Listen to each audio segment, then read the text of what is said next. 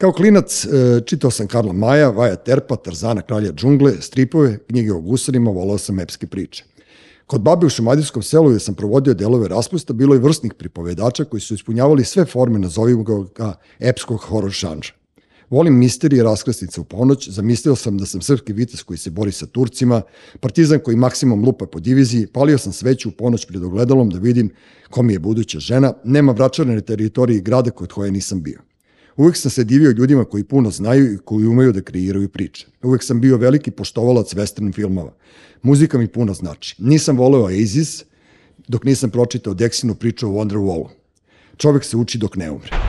Maskum Podcast predstavlja Treći svet, vaš domaćin, Dule Nedeljković. Gost današnjeg podcasta, Dejan Stojiljković, e, književnik i pripovedač. Ja bežim kao đavo od krsta od onog pisac, pošto, znaš, e, danas kad kažeš da si novinar ili pisac ili nešto, ali ti imaš puno pravo da se nazoveš kako god hoćeš. Ovaj, drago mi je da si došao. Dobrodošao u Beograd, dobrodošao u podcast Treći svet i ovaj, vidim da dobro izgledaš. Normalno, sve okej, okay, a? Pa, trudim se. Jel si dobro? Pa, jesam okej okay sam, mislim, ono, s obzirom kako, ovaj, zalazimo neke godine, ono ima ona priča kao do 35. godine ti maltretiraš organizam, a od 35. organizam maltretira tebe, pa onda idu one... Ti si malo smanjio to, ja sam to digao na 50. znaš, da. tako da ono... Pa dobro, ali ovaj, imam drugare, ovaj, neke sedneš s njima i onda ranije, znaš, bila priča, kad smo bili mlađi, pričamo o ribama, pričamo o ko je čuo neku dobru ploču, gledao neki film, a sad ljudi pričaju o tome koje lekove piju, kakve im je terapija za pritisak, za šećer, da. ko, ko, o čemu vodi računa, ko zna ko kardiologa i to, I onda, znaš, zamisliš se malo kad... Pa dobro, meni su rekli da treba da se povuče ručno sa 50 godina, tako da ono ima vremena. Dobro, znači ja još imam forez. Ima vremena za tebe, tako da ono, znaš, ja sam sačekao do 55, a onda sam shvatio zaista da e, treba. Dobro, može i do 55, znači na pa, produžetak. Ono. Naš, na neke teške mišiće, ali onda stvarno postaneš ono najgora cica i onda stvarno počneš to kao kakav ti je da, šećer, kakav da. ti je pritisak, ali nema veze. E, čovjek, čovjek poput tebe, sada ste te malo sačekali, pošto si ti uvijek, što se kaže, zapričaš, ali e, sad sam razmišljao, da, prije nego što smo krenuli da pričamo ovo, ja sam celu mladost i detinstvo i to, to neko odrastanje proveo u buci.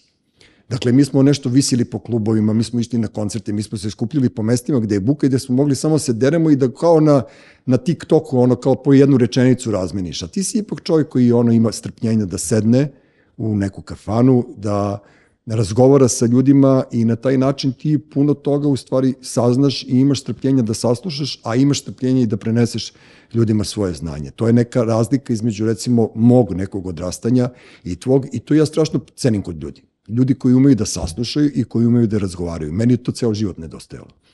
Pa dobro, prvo sam ja u Buci dosta, ovaj, ja sam, ajde kažem, odrastao 90-ih i ovaj, ti znaš isto da je Niš bio jedna vrlo bitna tačka u tom smislu Niš je imao ovaj, e, taj muzički klub, Dobro. koji su zvali Južnički Kurušici, Aha. i da nema ko nije dolazio i ja sam prošao kroz celu tu, da kažem, da je nazovem inicijaciju. Dobro. Ovaj, Niš je imao e, Zvonka Karanovića koji ima izdavačku kuću, koji je imao ovaj, e, taj čuveni Happy House, pa je, to ti znaš, ali treba reći za gledalce, prvi album novembra je izdat u Nišu, čuveni De Guelo, je ovaj Zvonko Kradović je napravio izdavačku kuću No Man's Land.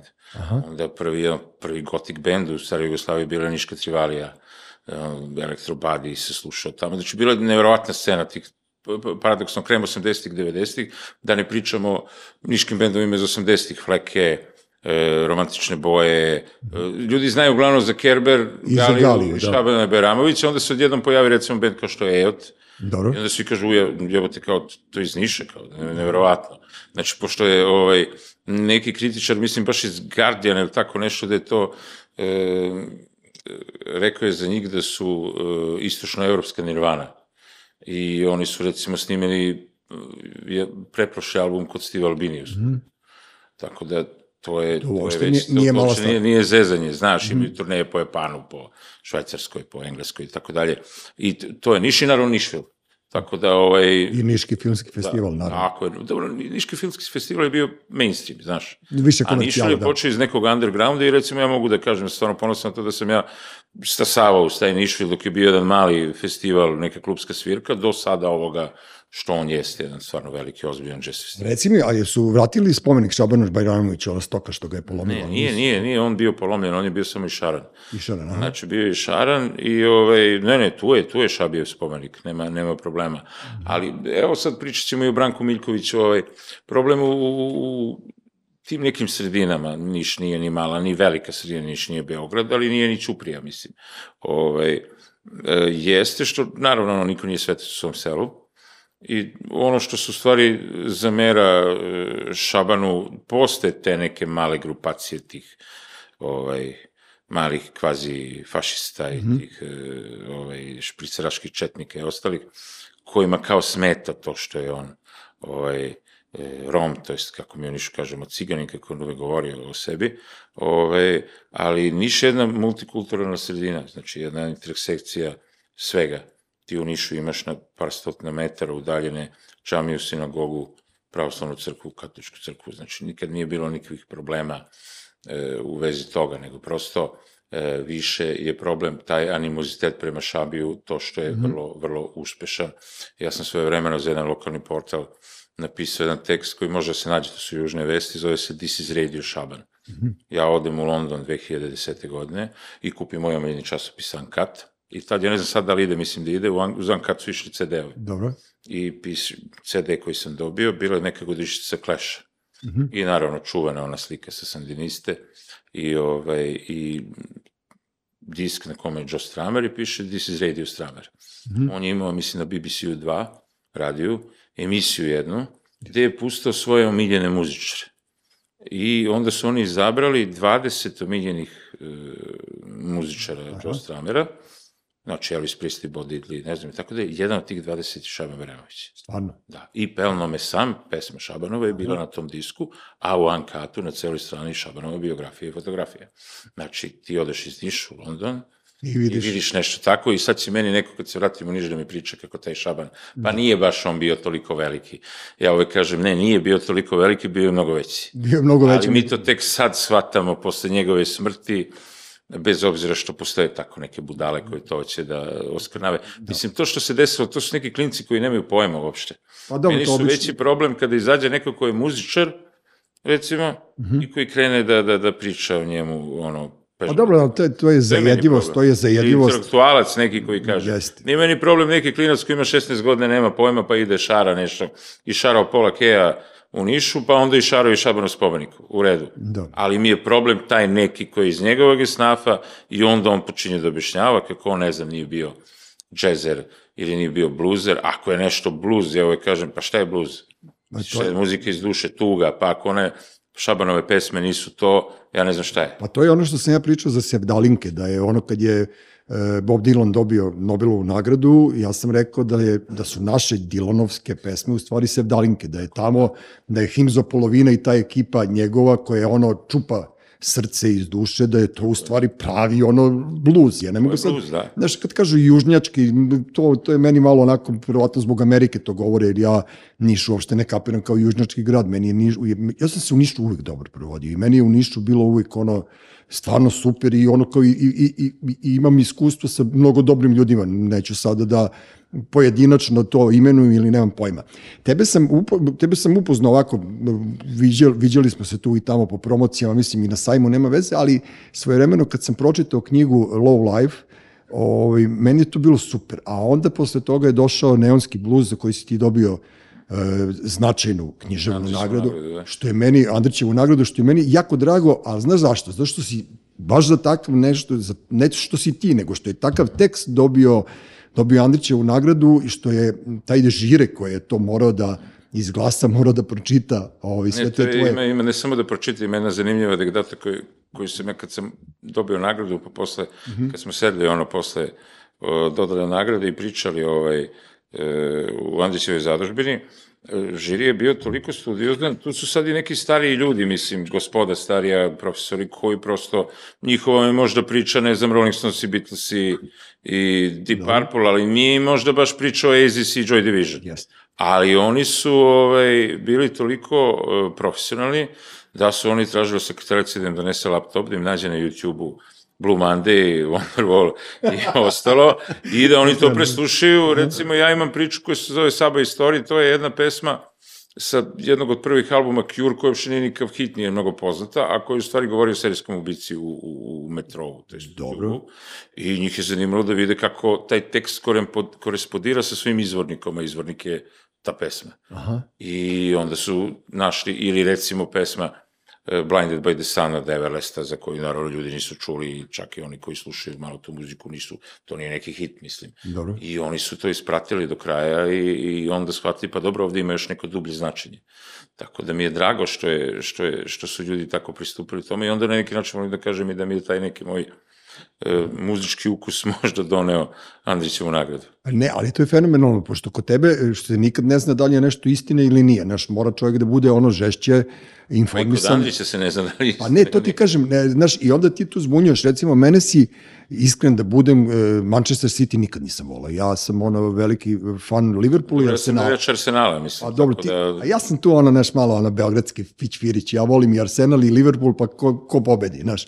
I, ovaj, I onda mi je bilo čudno, ja nisam imao informaciju i ne znam za to, da li je, je to istina stvarno da je Beckham 11 puta šutirao i da... Jeste, to je... To, je, to nisi izmislio, to je... Ne, nije, nije. Aha, nema, nije to i to i da se stvarno pojavio sutradan u, u nekom od tih sportskih časopisa mm. Wonderwall. Wonderwall, jeste, da. da. Ali postoji taj slang Mm -hmm. koji sam ja opisao, to je kad ostaneš bez kinti, onda nađeš negde, ne znam, 500 kinti, e, to je Wonderwall, znaš, 5 funti imaš za, za pintu jednu, yes, da, ono, yes, znaš, yes. e, to je, to, to je slang mančesterski. Pošto je on vrlo zanimljiv kao grad i kao jedna mikrosredina koja je gledao film uh, 24 Party People, mm -hmm. najbolje to vidi, najbolje se to tu vidi, jer taj, taj Tony Wilson i cela ta priča, mislim, prosto nevjerojatno da jedan grad uh, izrodi takve bendove kao što su The Fall, Joy Division, New Order, Smithy i tako dalje i tako dalje, da ne nabrajam, Happy Mondays, znači prosto nevjerojatno na jednoj maloj, u jednoj tako maloj sredini,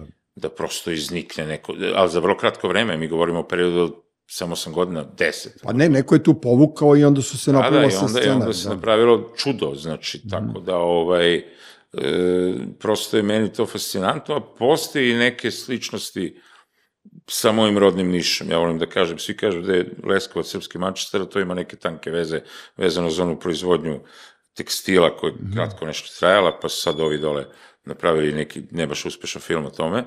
Ovaj, ali ja volim da kažem u kontekstu kulture da je Niš u stvari srpski Manchester, jer ti si imao tu scenu, alternativnu, imao si te neke male izdavačke kuće, imao si e, e, imaš John Coopera Clarka u, u Manchesteru, a mi imamo recimo Zvonka Karanovića, mm -hmm. imamo Čiru Magičnog, imamo te neke, imamo i neke mainstream bendove koji su, ipak mora da sad, imamo Šabana, naravno, imamo Galiju Kerber, eto sad imamo Eot, znači tu su neke stvari, to je nekoj mikrosredini gde se, gde je vrlo živahno, sve, sve ove godine. Zburkano je ono kao neki da. kotao. I tako postoje, neki se mi taj Nišvil, znači ono, uprko svim tim nekim poteškoćima i geografskom položaju, opet sve to živi, taj, taj, ta, ta kultura i da. ta, ta, ta subkultura, to ono što ja volim da kažem, jeste da grad ne čine, ne znam, geografija neka njegova ili, ili demografija koliko ima stanovnika, grad čini ta, pre svega subkulture. Ako ti u gradu imaš neke klince koji slikaju morale, ako imaš bendove, ako imaš e, pisce, ako imaš razne neke e, knjižene časopise, ne znam sve, da to čini grad. Naravno. I to, to ostaje. I evo sad smo videli, nažalost, e, koliki je značaj kulture kad izbilo ova, ovaj pičvaj sa Ukrajinom i, i, i, ovaj, Rusijom. i Rusijom, da, da ti bukvalno imaš u jednom trenutku da se objavljuje i rat kulturi. Da odjednom nekom, ne znam, smeta Dostojevski ili Čajkovski ili... Ne, ali to je potpuno sumanuto. A da u stvari mi na neki način to sporučuje da se mi povezujemo preko kulture. Da. Znači, ljudi se povezuju preko kulture, jer kultura kao takva, dobra muzika, dobra svirka, dobra književnost, dobar strip, on nema geografiju, nema nacionalnost, nema veru. To je nešto apsolutno univerzalno i kosmopolitsko. Jeste, i to je sad ono kao ovi podcasti što mi radimo, ne samo ja, nego ovaj, ovo ti je neka oaza slobode. Trenutno je od mainstream medija, pošto mi nikad u životu ne bi mogli ovo da radimo, što radimo sad na bilo kojoj nacionalnoj frekvenciji, zato što prosto ljudi ne prepoznaju više i, i, i stvari i pojave koje si sad malo pre ti pomenuo. A imaš priču, još, evo, evo još ovo, pa neću više da te dajem oko tog neoskog bluza, imaš priču ono preboleti Manchester. Da. E, e sad, ja sam star čovjek pa sam zaboravio, to je e, priča o, o Blue Monday, je li tako? Kako je nastala pesma Blue Kako je Monday. nestala, da, molim ti Da, i kako je u stvari, to se malo zna, ali to sam ja ovo iskopao, ove, e, kako su Kraftwerk, e, kada su čuli Blue Monday, e, koji je napravljen na nekoj krš opremi i, Mhm. i koji nije, pošto su svi ti ljudi iz Kraftwerka, ta gospoda, završili neke visoke škole, konzervatorije, muzičke akademije i tako dalje, e, oni su shvatili da tamo neka ekipa iz Manchestera ne igra po pravilima, da u suštini Blue Monday ispada iz ritma, ono kako to treba da bude. I ovaj, oni su u tom trenutku imali neki, e, taj Kling Klang studio koji su oni imali, u koji su uložili u tom trenutku nekih 3 miliona maraka. Ovaj, e, ovi su napravili bolju pesmu i sofisticiraniju muziku i u nekom smislu prevazišli e, ih u, u, u tom Tehnološkom da kažem, smislu. tehnološkom smislu e, sa nekom sklepanom opremom. Znači, mislim, to je bilo stvarno...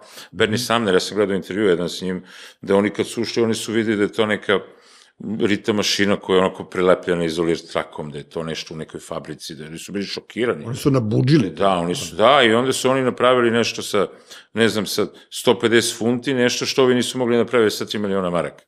I oni su bili, s jedne strane, fascinirani, s druge strane su bili uvređeni. A onda ih je on pitao, a ta pesma, naravno što Blue Monday se pogrešno tumači, ovaj, e, plavi ponedeljak, tužni ponedeljak, o čemu to govori?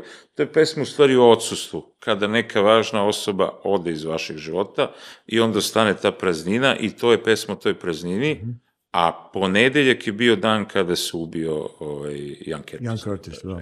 Tako da ovaj, o tome je u stvari, stvari suštinski pesma, ali naravno e, tumačenje uvek je u, u oku i uhu posmatrača slušalca. ali o, o, ja želim da ti verujem. I Mislim, ova, ova priča ono, zvuči fantastično i vrlo, re, vrlo I realno. o tome je u stvari govori o tome smo svi mi ljudi, Naravno. jer u, u toj priči, e, ja sam bio sad na, ajde kažem, ja, ja sam takav čovjek koji je na razmeđi tih svetova, ja sam i deo te subkulture alternativne, ali sam i tako i u mainstream medijima. I bio sam sad pred Novog godinu na jednoj emisiji na RTS-u i bio je profesor Igor Perešić ovaj, u, u toj emisiji, odličan znalac e, i jednog Da, on drugog, da, naš čovjek što se kaže, i on je rekao da je njemu ta priča antologijska, i objasnio je ovaj, zašto, u smislu da ovaj, priča kao takva u stvari govori koliko smo, jesmo ili nismo ljudi.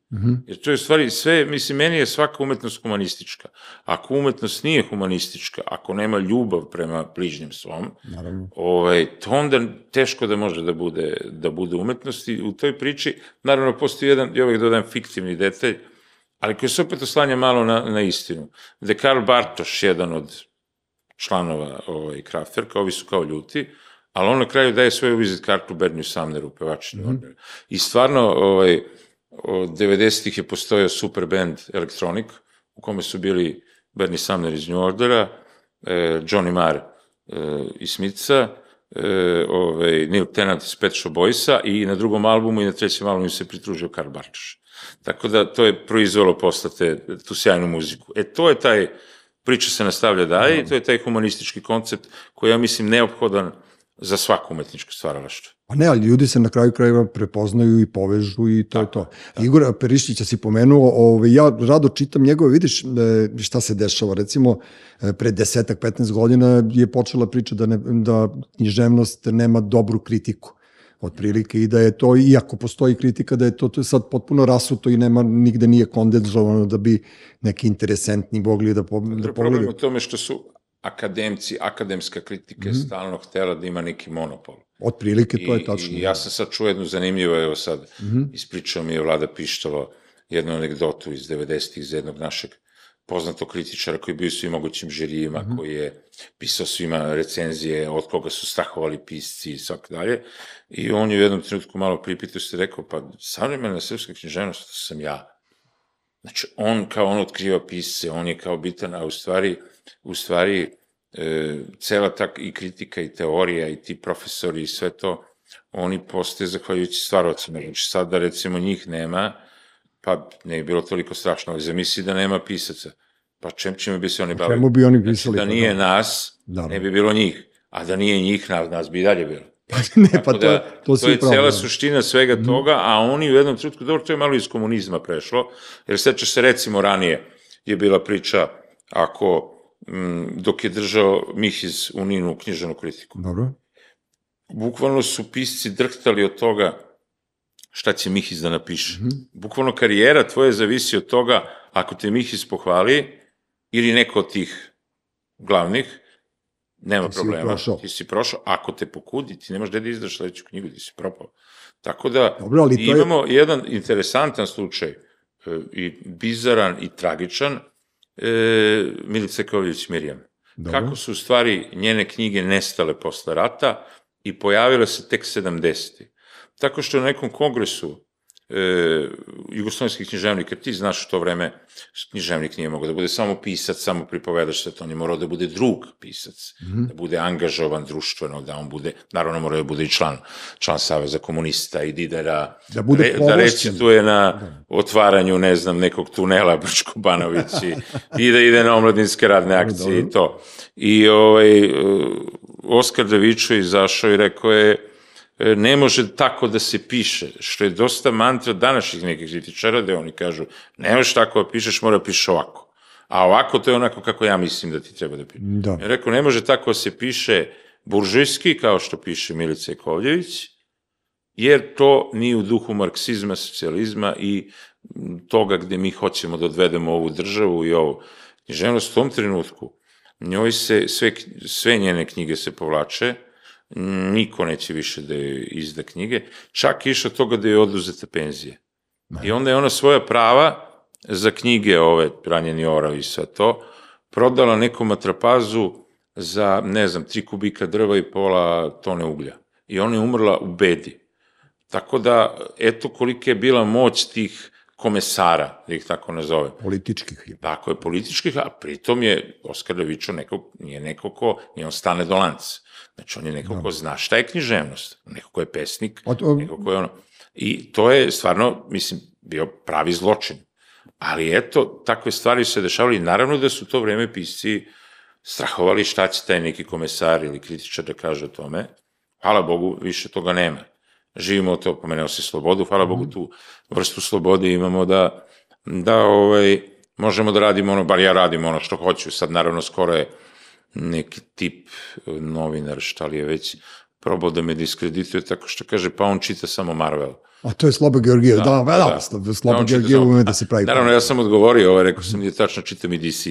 da, da, da, da. Tako da, ovaj, nemoj da me amputiraš to, ako volim Spidermana, volim ja i Batmana. Pa, Tako da, ali to su ljudi koji ne razumeju stvari Ne, ali to je- je i pričaju paušalno, znaš. Jeste, ti komentari na društvenim mrežama, to je ono, ovaj podcast je od prvog e, prve epizode nemam komentare, pošto mene apsolutno ne zanima šta će ko da kaže, jer sve to se obesmišljava u smislu, znaš, ko može tebe da komentariše na bilo koji način, osim da uđe u polemiku s tobom. I to je, to je, to je ta priča. Sad kad si rekao za te političke komesare, ja sam pomenuo Igora Perišića da on, recimo, pročitao sam nekih njegovih par tekstova i, i drago mi je da se on uključio na neki način, pa sad kao, znaš, kad ti meni kažeš, ej, čitaj Peru Žikića ili mi, ne znam, neko kaže čitaj, e, ne znam, nija koga i ja jedino tako dođu do saznanja šta bih trebao da čitam. Recimo, meni je poslednje što sam dobro pročitao Verži Depend, ono, Vernon Trodan, ona trilogija i to je, to je meni super genijalno i ja to svima preporučujem, ali nigde nisam pročitao da je neko kritički se osvrnuo na to. Ali i danas je kritika opasna, recimo, ne znam koliko ti je poznato da je ovaj, Saša Ilić ovaj, e, tužio Perišića sudu i da je ovaj, osuđen za verbalni delikt i da mora da mu plati neku odštetu. To je ovaj e, Saša Ilić, ko beše, to je ovo Nino, To ono, je ovaj nesrećnik što se izde zapisa, ovaj, što je dobio Ninovu nagradu. aha, oko njega je ispala da. cela frka. Cela frka, on je čovjeka tužio sudu, ovaj, e, Mašu nam ljudi kroz prozor, pa zato. Tako da ono... Ove, i, i čovjek je osuđen za verbalni delik, znači, to, to je prošlo nevjerovatno. Znači, kritičar je osuđen zato što je u javnosti izneo mišljenje o, o nekom kao umetniku i o, o, o njegovoj knjizi, znači, to, to je prošlo, prosto. Ne, to, To je neverovatno, a istovremeno se taj isti Saša Ilić izde za nekog disidenta. A čovjek inače na državnim jaslama. Mm. Tako da to je prosto nevjerovatno kakve mi absurdi imamo. Mislim, pričao, spomenuo sam Oskara Dovića, a on je transparentno bio e, aparat države. Dobro, ali on je radio ovaj, za državu, znalo da, se. A ovaj isto radi za državu, ali kaže da je disident. Znači, to mislim, imamo mi u Nišu te neki izraz, da neću da budem prost. Reci, ajde, ja ovaj, Pa ne, to je čovjek koji hoće da prdne i da stisne, da se Aha. jebe, da mu ne ulazi. E, to je to. Ali to su ljudi koji su disidenti, vrlo lepo žive. Na kraju krajeva ti si imao situaciju nekih tamo već 70-ih, pa 80-ih ljudi koji su bili disidenti, a živjeli po dedinju u kućama i bili ambasadori, ataše i čuda, ali njih je kao proganjao režim. Ti sad imaš ljude koje navodno proganja proganjao ih Sloba, pa ih proganjao Đinđić, pa ih proganjao svi živi. Koštunica, pa, Koštunica, pa, pa one, sve vreme ti vidiš ti ljudi rade u, u državnim ovaj, e, bez problema. Bez problema, dobijaju neke privilegije, tu su ok, niko ih ništa ne dira, ali oni eto kukaju, ne znam, pišu tekstove po peščaniku, pišu. Meni je zanimljivo bilo ovaj, svoje vremeno, aj kad pominjemo ovaj, gospodina, na, bio je tekst u Ninu i meni samo što je izašao roman, ja sam živo kod tašte, kao postanar, dobro, kod tašte baš nisi ni postanar, nego, ne znam kako to definišem. Nesrećno. U jednoj sobi sa, sa čerkom da. i sa ženom, moja žena ne radi, Aha. master pravnih nauka, i dan danas je na birovu inače, ovaj, I čovjek piše, taj gospodin kaže, a evo, ovaj Dejan Stojković je mnogo moćan, kao, on je mnogo uticajan. I to u Ninu izlazi, moja žena uzima Nin, dolazi u sobu, sen se ključi kaže, pa dobro, kad si toliko moćan i uticajan, što mi ne nađeš posao? Da. Tako da su to neke bizarne, absurdne stvari, gde ja kao neko koji je celog života privatnik, jel te, Ti si ovaj, privatni preduzetnik. Mora, da, privatni preduzetnik, da. mora da se pravdam pred nekim ko je pera pisar iz administrativnog, državni činovnik, koji je na grbači ovaj, poreskih obveznika ceo svoj život, ovaj, da se ja pravdam da sam ja kao neki državni čovek i neki režimski, dvorski pisac, a ovaj je kao neki disident. I imamo stvarno te takve absurde, ne samo u našem esnafu i u našem poslu, nego ih ima ovaj, na mnogim mestima i to je stvarno, stvarno prosto neverovatno.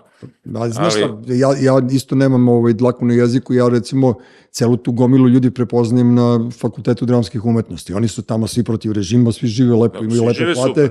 i svi su profesionalni na fakultetu i onda kao daju otkaze koji Janko Balja, kao dao je on otkaz zato što se protivi Suzani, prijemu Suzani Vasiljević koja je diplomirala tamo na kraju mm. krajeva i koja je bila ratni reporter, ajde da ne pričam sada da je ne branim ili već nekoga i onda on kao dao je, daje ostavku, ko ja i ti da damo ostavku, nećemo da igramo za zvezdu, kao ne da. ljutili smo se pa kao ja i ti nećemo da igramo za zvezdu. To su te težine i stalno glumataju tu neku kao no oni su, ne znam, mi treba njih da gledamo kao simbole slobode, a oni nisu sloboda, oni su nešto, ono, To se, naš, to se na zapadu između. zove, ovaj, to možda vidiš kod ovih, naročito kod hollywoodskih glumaca, mm. mislim, ono, self-righteousness. Da, to je Znaš, to. Znaš, kao mi smo, ono, neke, moralni standard prema njama treba da se određuje ko je pošten, a ko nije, ko je moralan, a ko nije, ko je dobar, a ko je loš čovjek. Znaš, i to je kao reper. Znaš, ja to ne volim. Istovremeno, istovremeno, znaš, ovaj, e, ja to kažem, to je svoje vremeno kad sam ja, to ne znam da ti pričao, kad sam ja došao u Beograd ovde i izdao tu knjigu za Lagunu, ja sam bio upozoren da recimo ne napadam ekipu oko Čeda Jovanovića, LDP i to. Mm -hmm. I ako ti sad vidiš, cela ta ekipa, to su neki razočarani ovaj, bivši Uvijek bili. Čedini, ovaj, ono, koji su tad inače od toga što su u toj ekipi, naročito i u Nišu je bilo toga, taj odbor, recimo, ne znam da znaš, e, gradski odbor LDP-a je mm -hmm. se masovno učlanio u Rasimovu stranku i sad su deo, deo onoga protiv čega su se kao borili. Dobro. I ne znam da li znaš da je taj odbor, kad je bio moj predstava Konstantin, ovaj Jug je režio Radivojević, koji inače potpredsednik Rasimove stranke, to je zanimljivo. Dobro. Ovaj, oni su e, protestovali sve pozorišta, tražili bojkot.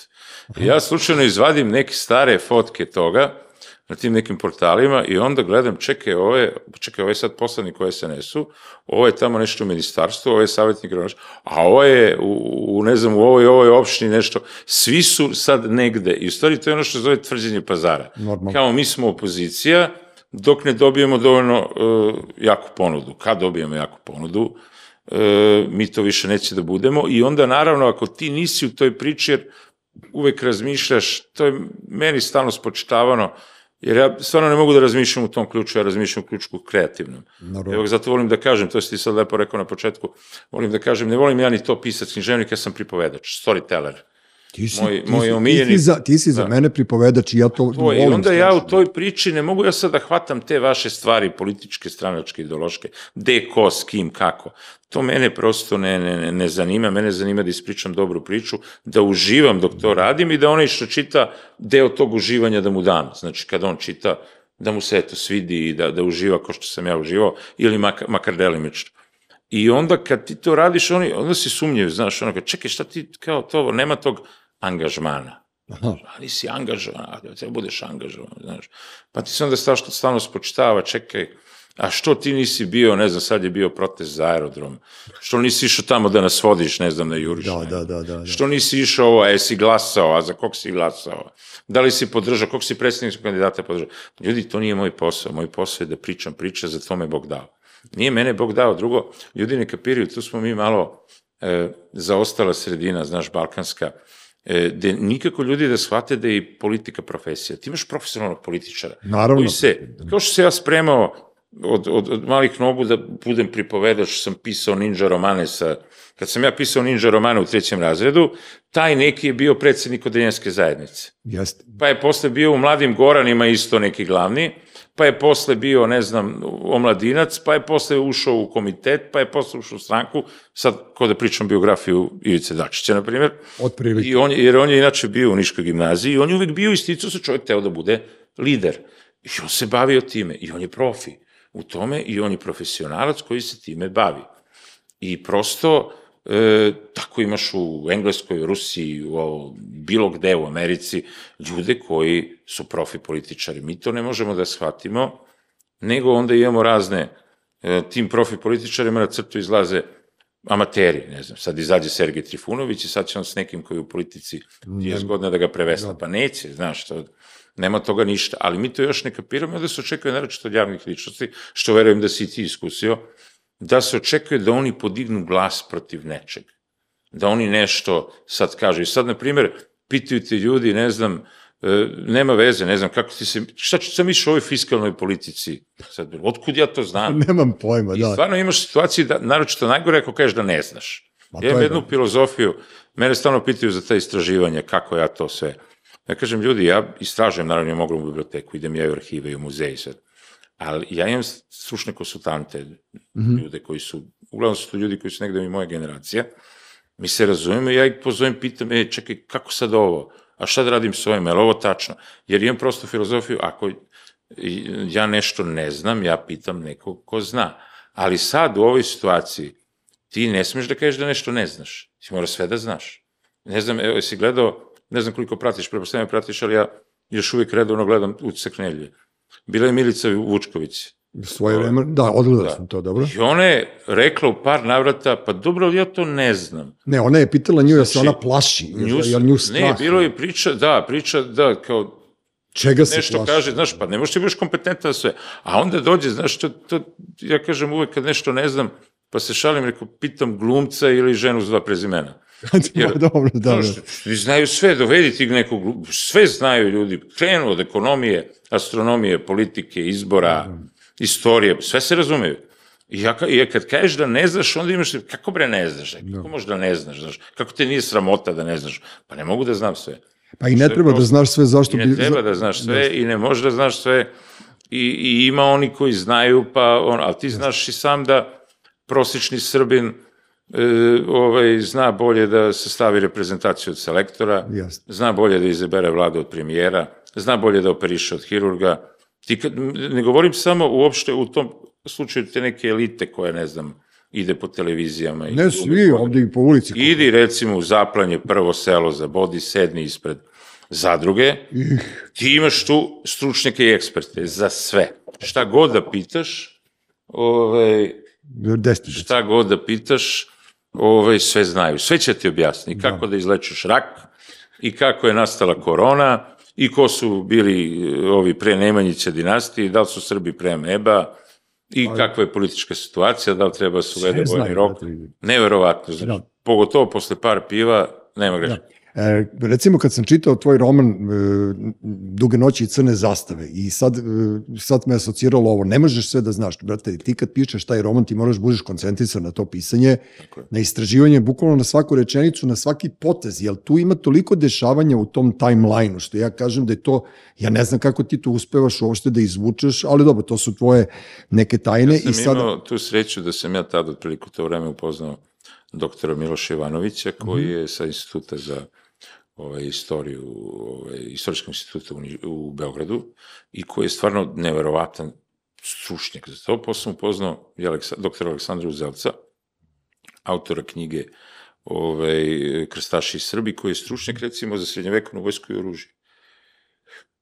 I, ovaj, i e, ljudi misle da ako pišeš istoriju, znaš, ti znaš na makro nivou, ti sad znaš kad se desila Kosovska bitka, Pločnička bitka, da je tu bio knez Lazar, da je bilo Murat i sve to. A ti sad, na primjer, treba da opišeš scenu gde oni sede, njih destora i večere. Šta su jeli? Ja sam čitao svoje vremeno, poslao mi je jedan pisac, Mhm. pokušaju, neku knjigu u srednjem veku i čovek na 15 mesta pominje, pominje kukuruz, koji nije postao. koji nije postojao u to vreme, jasno. Ali nije samo to, znači ti moraš da vidiš, ja sam imao recimo problem kakva je bila etikecija. I onda sam u stvari kroz to i učiš, jer čovjek se uči dok je živ. Ja sam pit, pitao ovaj, e, Miloša kako se obraćali oni, sad, a stvarno to su neke stvari koje su e, izgledaju jednostavno, a u stvari ti pre, naprave čvor. Znaš, kako kad su sedeli, recimo, kod ti i ja, Mhm. Ako sam ja neki vlasteličić, a ti si knez Lazar, kako se tebe obraćam, sa vi ili sa ti? 1386. godine. Da. I to je, pazi, to je ozbiljno pitanje, ako si ti ozbiljan pisac, ne možeš da se zezaš tim. Onda sam shvatio u stvari odakle kod, na, kod nas dolazi to vi, zato što vladar u srednjem veku, ako uh, čitaš recimo, duš, on je govorio o sebi u množini. Dobro. A šta je značila ta množina?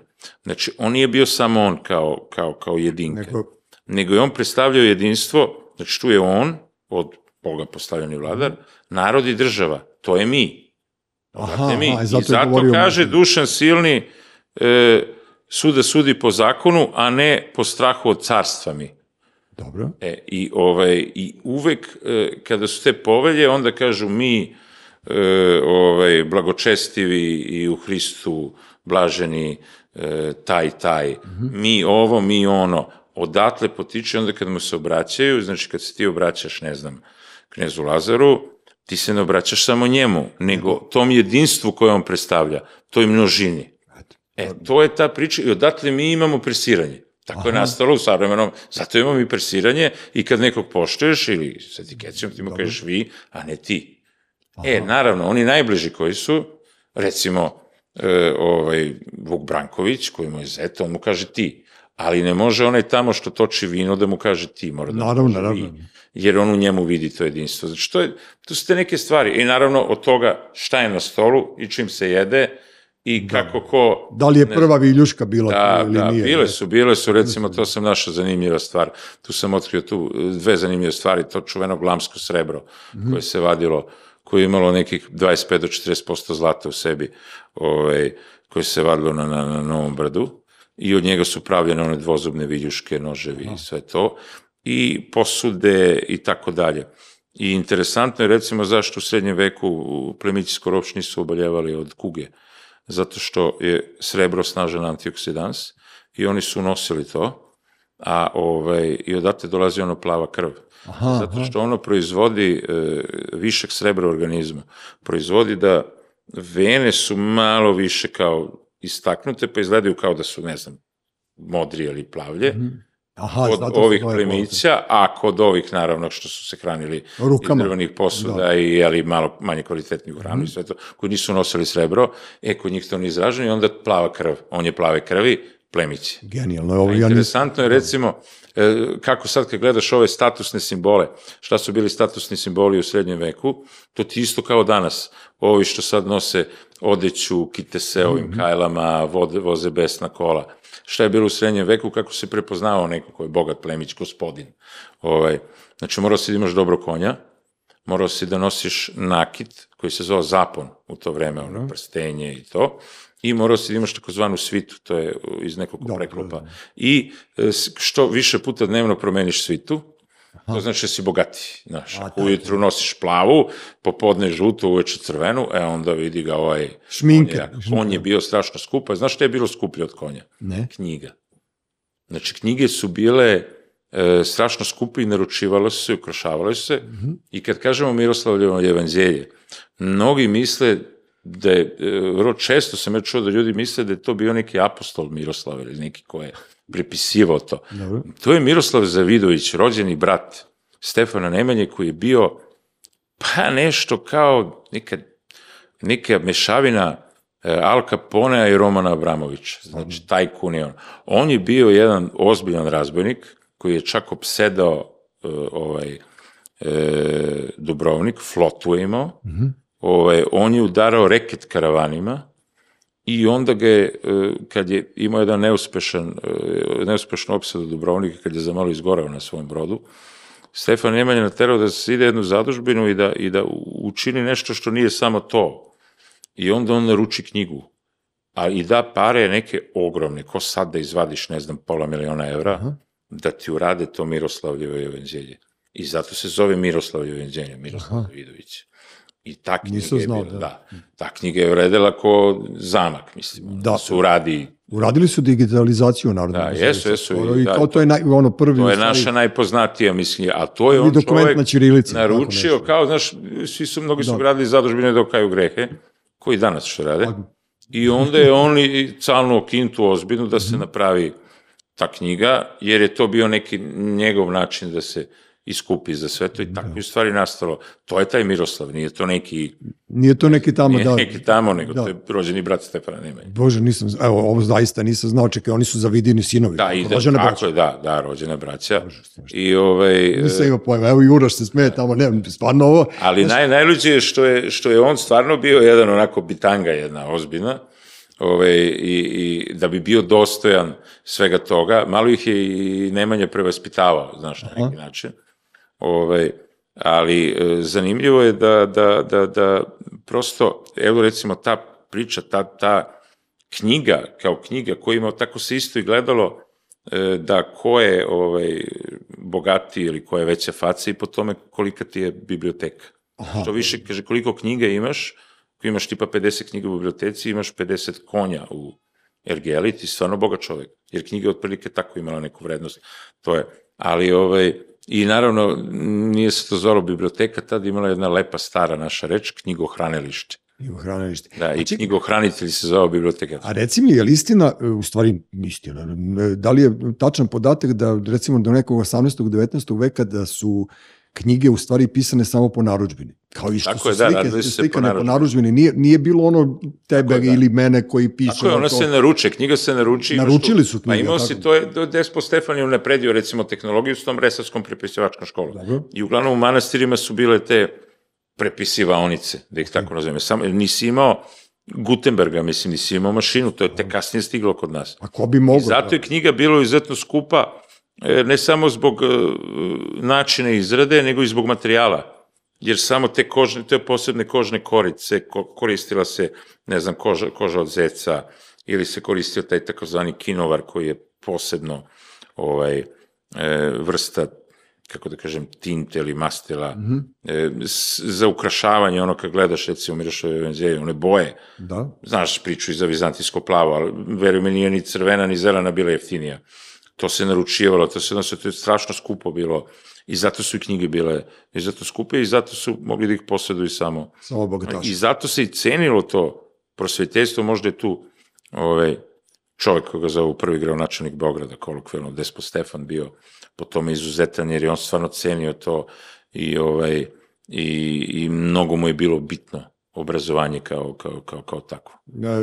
Ono, ovo, ti nama držiš ovde, u stvari svima nama držiš predavanje jedno istorijsko, što je meni jako drago I to je ono opravdavo ono da sam, da sam rekao da si stvarno pripovedač. Ja uživam u ovome. Ja stvarno nisam recimo znao, nisam imao pojem predstavu za Miroslavo i Evanđanje i ovo je ono kao, hvala ti ako si prvi put ispričao ovde u podcastu, ali e, svoje vremeno kad si radio Senke nad Balkanom, seti se da sam te ja zvao i da sam te pitao kako, jesi ti smislio onu e, napad na policijsku stanicu? Da, tako to bilo? ideja. I onda si ti meni odgovorio da, da ste vi, po, kako beše ono, da si, ste izmislio ti to, je, to je izmišljeno nešto ili To ste... je, to je ovako, znači, glavnjača je bila u centru, Dobro, ovaj, ali e, nikad niko nije uspeo, to je mnogo ozbiljan zatvor bio u tom smislu bezbedonosnom, nikad niko nije uspeo da pobegne, jedni slučaj je bio kad su neki uspeli dva e, zatvorenika da u, u savladaju stražare, uzmu im pištolje i pendreke, zabarikadiraju se negde, onda je, je došlo policiji i pobili kozečove. Aha. To je sve. Ali meni, naravno, kao što znaš, ja sam veliki ljubitelj, ajde kažemo, pop kulture i onda sam ja imao ideju napad na policijsku stanicu ovaj, 13 ono. 13 da, Aha. Carpentera i onda Alien 2 ovaj, i tako dalje, znači da napravimo nešto na tragu toga. I Bijela je odmah rekao, ma daj, kao, ko će da napadne glavnjaču, pa čekaj, si ti normalan, pa to nema. Ja kažem, pa dobro, u redu, ali mi pravimo fikciju.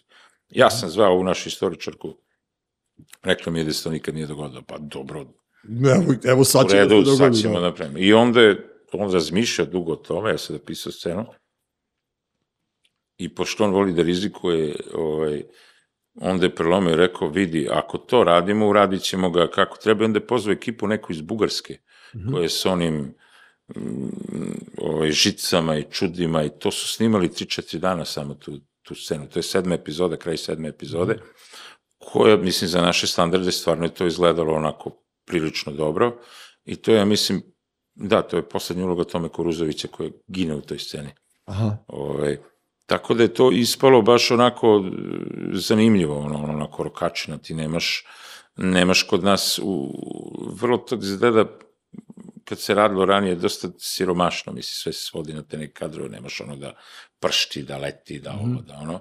I to je, to je ispalo prilično dobro i naravno moralo je da ima, nemaš ti samo akciju da staviš poentu neko na kraju. Mi imamo onog prosjaka koji ima jedan simbolički značaj i onda Katana izađe onako živ, e, ovaj, on vadi poslednji metak, a ovo ide prosi sa onim lončićem da skuplja. I umesto, jer tako počinje serija, tako što mu ta, ta ne daje novčić. Ubacuje se, da. Da, e, on vadi i ubaci mu metak. Aha, aha. E, to je, tako se završava epizoda. I to su ti neki momenti koji ti daju poentu cele, nije samo puškaranje radi puškaranja, nego ima... Ne, ali zato ti kažem, ja sam provalio da je to, da je to Da, da, to je... izmišljeno, da je to Da, izmišljeno je, ali, ali je dosta dobro urađeno. izmišljeno, ali je dobro smišljeno. I To Bijela hoću se setio da to počinje kao u kumu, da ona sluti nešto, onda se baci dole i onda krene ono rokanje.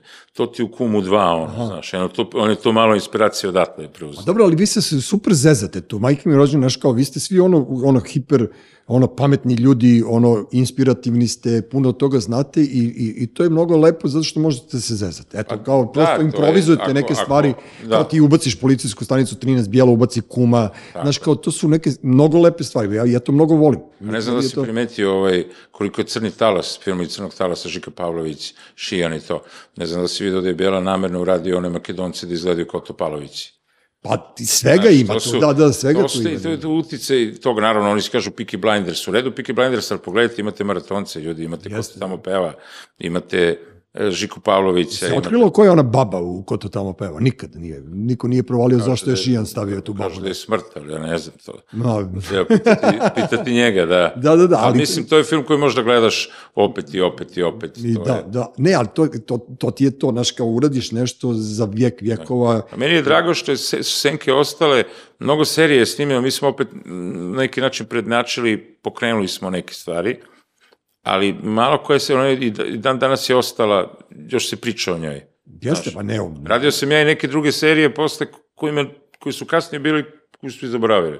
Mhm. A eto, te Senke su stvarno, A senke su bile genijalno urađene i u pravom momentu su se pojavili i povukli su u stvari jesu, mi e, smo ceo povukli talas nogu ovih, u smislu da, da može da se radi tako kod nas. Jeste, pa ne, da li ste postavili Da ste možeš neke da mnogo- radiš, znaš, da možeš ti da pozoveš i strane glumce i da fotografija može da bude ono, da parira ono i da scenografija i Da. sve to da kupiš ekipu koja je stvarno, da, da mi, u stvari mi su pokazali da mi ovde u Srbiji imamo stvarno kvalitetan kadar, kvalitetne ljude i scenografi, i kostimografi, i glumce i... Da.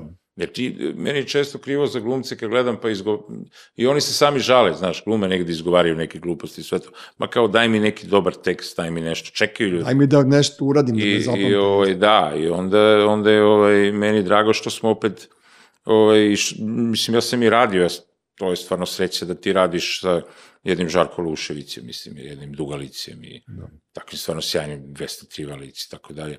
Znači, ti možda radiš s njima i da, da, da, da oni to što si ti zamislio sprovedu u delo i da ti posle gledaš to na ekranu i da je to to što si ti želeo da. i još vrlo često i oplemenjeno i napređeno. To je stvarno velika, velika privilegija. Pomenuo sam pre, pre nekih podcast sam pomenuo to kada ima scena Jezda i Laušević u e, državnom neprijatelju, kad oni bukvalno pokidaju ta tri minuta, su oni dobili, ja ne znam kakav je tekst, ali čovečin, ta energija koji, to, to šta oni rade, to je, to je prosto To ono su neki masterpiece, to je, da, to je, to to je su nešto ono neverovatni iznad, glumci, mislim, Jeste. to je- Ti si radio i, i onu drugu sezonu uh, ove košarke, jel tako? E, Žigosan i reketu, da, to, dobro, to, to, To je meni ona- drago što je to meni snimano. simpatično, Da, meni je to krajnje simpatično. To da. je opet neka malo telenovela, ali opet na jednom nivou, ono, i snimano je u Nišu, to mi je drago. Da, dobro to znam. Snimano je u Nišu, ja sam imao neki cameo tu, to je zanimljivo, ali opet rađeno profi dosta i to je za, za nivo toga što serija sama po sebi po žanru jeste, to je opet malo iznad.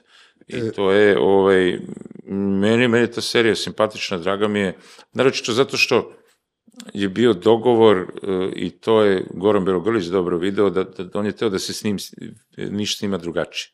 I stvarno kad idu oni kadrovi Niša od ozgo s onim dronom i sve to, Drugačije izgleda. Niš izgleda kao Beč, znaš, ono, nevjerovatno, mnogi Niše su rekli, čekaj, ovo naš grad, znaš. A u stvari mi to ne vidimo, ti kad si dole, ti to ne vidiš te neke, neke lepe stvari. Onda recimo ima jedna scena kada glavni junak i neka kao Nišlika idu na Vespi kroz Niš. Stvarno kažeš, čekaj bre, ovo Lepo je Niš. jedan grad, vidi, Da, da. gledaj, ali ne samo, ja kažem ljudi, mi imamo te stereotipe. Sad ćemo da imamo te kafane, ćevape, ne znam, tele kulu, tvrđavu, a u stvari taj urban, ja sam rekao, snimite urbani, vibe, i kad je rekao, kad su oni došli, kažu, gledaj kakvih zgrada ovde ima visokih ovih, onih, pa Da. grafita, pa čuda. E, to kad, kad se snimila ta scena s Vespom i još nešto, ono, pa onda tu da je snimano u Rovčetu, takozvanom, ti, tenis, ti tereni koji su, ovaj, slični nekima koji ima ovde u Beogradu, onda su ljudi vidi, čekaj, pa ima taj, taj urbani vibe u, u Nišu, vidi se, znaš. Ali za, te predrasude urbani, neurbani, ne- ja to isto naš ne volim za Beograd, recimo kad ne znam, neko nazove naš grad, to jest moj grad Kasabom, ja to popizdim iskreno, zato što tačno Misliš to... na Dežulovića Mislim ili- na Dežulovića, naravno. Znaš, kao neko tamo iz neke seljane, s Morske dođe, pa kao proziva Beograd, koji ipak ono, ima veliko srce. Dobro, ti Beograd moraš i- shvatiš kod Dežulović je to problem, kao on se prema Beogradu ponaša kao prema devojci koja ga je šutnula, znaš. Pa dobro, znaš To je šta, problem, to ima te emotivna komponenta svega Jeste, toga, znaš, ali- ali... njima je bilo super ovde, pa se onda nešto, ta riba se naljutila i ona nju, i onda je sad riba kriva, a nisu krive okolnosti. ili Oci, ono. kako beš ono, naljutio se na selo. Znaš, i onda je odjednom, znaš, kad te ono kao šutne riba, odjednom je ona glupa, ružna, nikakva i Jeste, tako dalje. ali dobro. Mene je na to podsjetilo. A, pa jeste, ima tu neke ono, ljubomorja, neke zajedljivosti i nečega što ja e, ni malo ne volim. Ti si, e, tebe često pominju, u, ne, ne kažem negativnom kontekstu, nego ti, tupsoni, da ih nazovem, ono kao kritikujete što mešaš fikciju i što mešaš e, istinu i to je bilo kad ste ti i Kecmanović radili Kajno vožilje, kada tako nešto, koji Iva Znaš, Andrića znaš šta je rekao ovaj, e, e, George Martin, kad, kad su mu isto zamerili, novinari Da, da, neki, da. ono, on im je rekao, jeste vi čuli nekad za Šekspira? Aha, Mislim, evo, uzmi Šekspir i Julije Cezar, na primjer. Pa, da. znaš, ono, zar ti sine brute? To nije izgovorio Šekspir, to je u stvari rečenica iz drame koju je, stvari nije izgovorio Cezar, nego je to rečenica iz drame koju je Šekspir izmislio. To Cezar nikad nije rekao.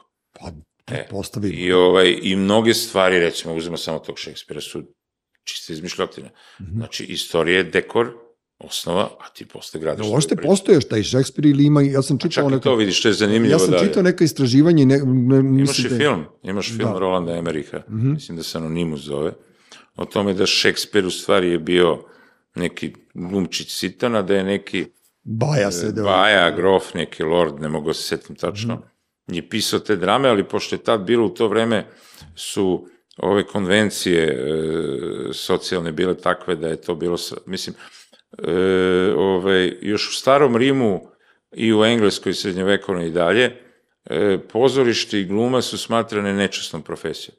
Ti u starom Rimu, recimo, kada se je neka proslava ili nešto, ne znam, ide se u dan Boga Marsa i sve to, zabranjeno je, ne znam, robovima, prostitutkama i glumcima da pristuju. Toliko je smatrano to nešto. I onda u tim konvencijama so, socijalnim, jedan lord nije smeo da piše drame. Mm -hmm. Znači, jedan neka pri, pripadnik visokog tog višeg sloja društva, bilo je sramota da onda, i onda je on morao da nađe neko ko će te drame da potpisuje. To je priča o Šekspiru. Ali da li je tačna ili nije, ja to A, dobro, to ne možemo da znamo. Ali bitno je delo, mislim, uvek ja uvek volim da citiram Nila Gejmana koji kaže nije bitan pripovedač, bitna je priča. Ja sam radio intervju sa Nilom Gejmanom u Ninu. Nije, nije mala stvar. Nije, mala. Nije mala stvar. Zavidim ti na tome. E, hvala ti. Ovaj, šta sam teo da te pitam, e, ti si, kad smo već kod Senke na Balkanu, ja ne mogu da te, ja prosto, znaš, došao si u Beograd, sam neću te pustim iduće tri sata. Mustafa Golubović. On Golubić, je, Golubić. Golubić, izvini. Ovaj, on je jedno od najinteresantnijih, hajde da, da, da, da imam tu slobodu, da kažem, pojava koje su se tu ovaj, vrtele u tim krugovima, u tim pričama. Odakle se taj čovjek stvorio? Ko je on bio uopšte? On je... On je bio uh, Hercegovac Dobro. iz Stoca, koji je ovaj, došao u, u Srbiju, u Beograd, i hteo je da bude u odredima ovaj, Vojde Tankosića. I ne morao da se Dobro. dokaže. Dokazao se tako što je skočio sa Savskog mosta na Glavačka ovaj video da je ovaj lud, znaš, malo je da. prihvatio ga, on je govorio, mm, on je bio, da kažemo, srpski patriota Dobro. vreme, i on je učestvovao, naravno, u Prvom svetskom ratu, bio je te, te crnorukaške ekipa, ali kad, kad govorimo o Vojvodi Vuku, sad sam prošao protiv spomenika dole, jedan od najlepših spomenika u Beogradu, ovaj, Vojvoda Vuk, Apis, e, ovaj, Tankosić koji je bio, su bili nevrovatni ljudi, legendarni ljudi.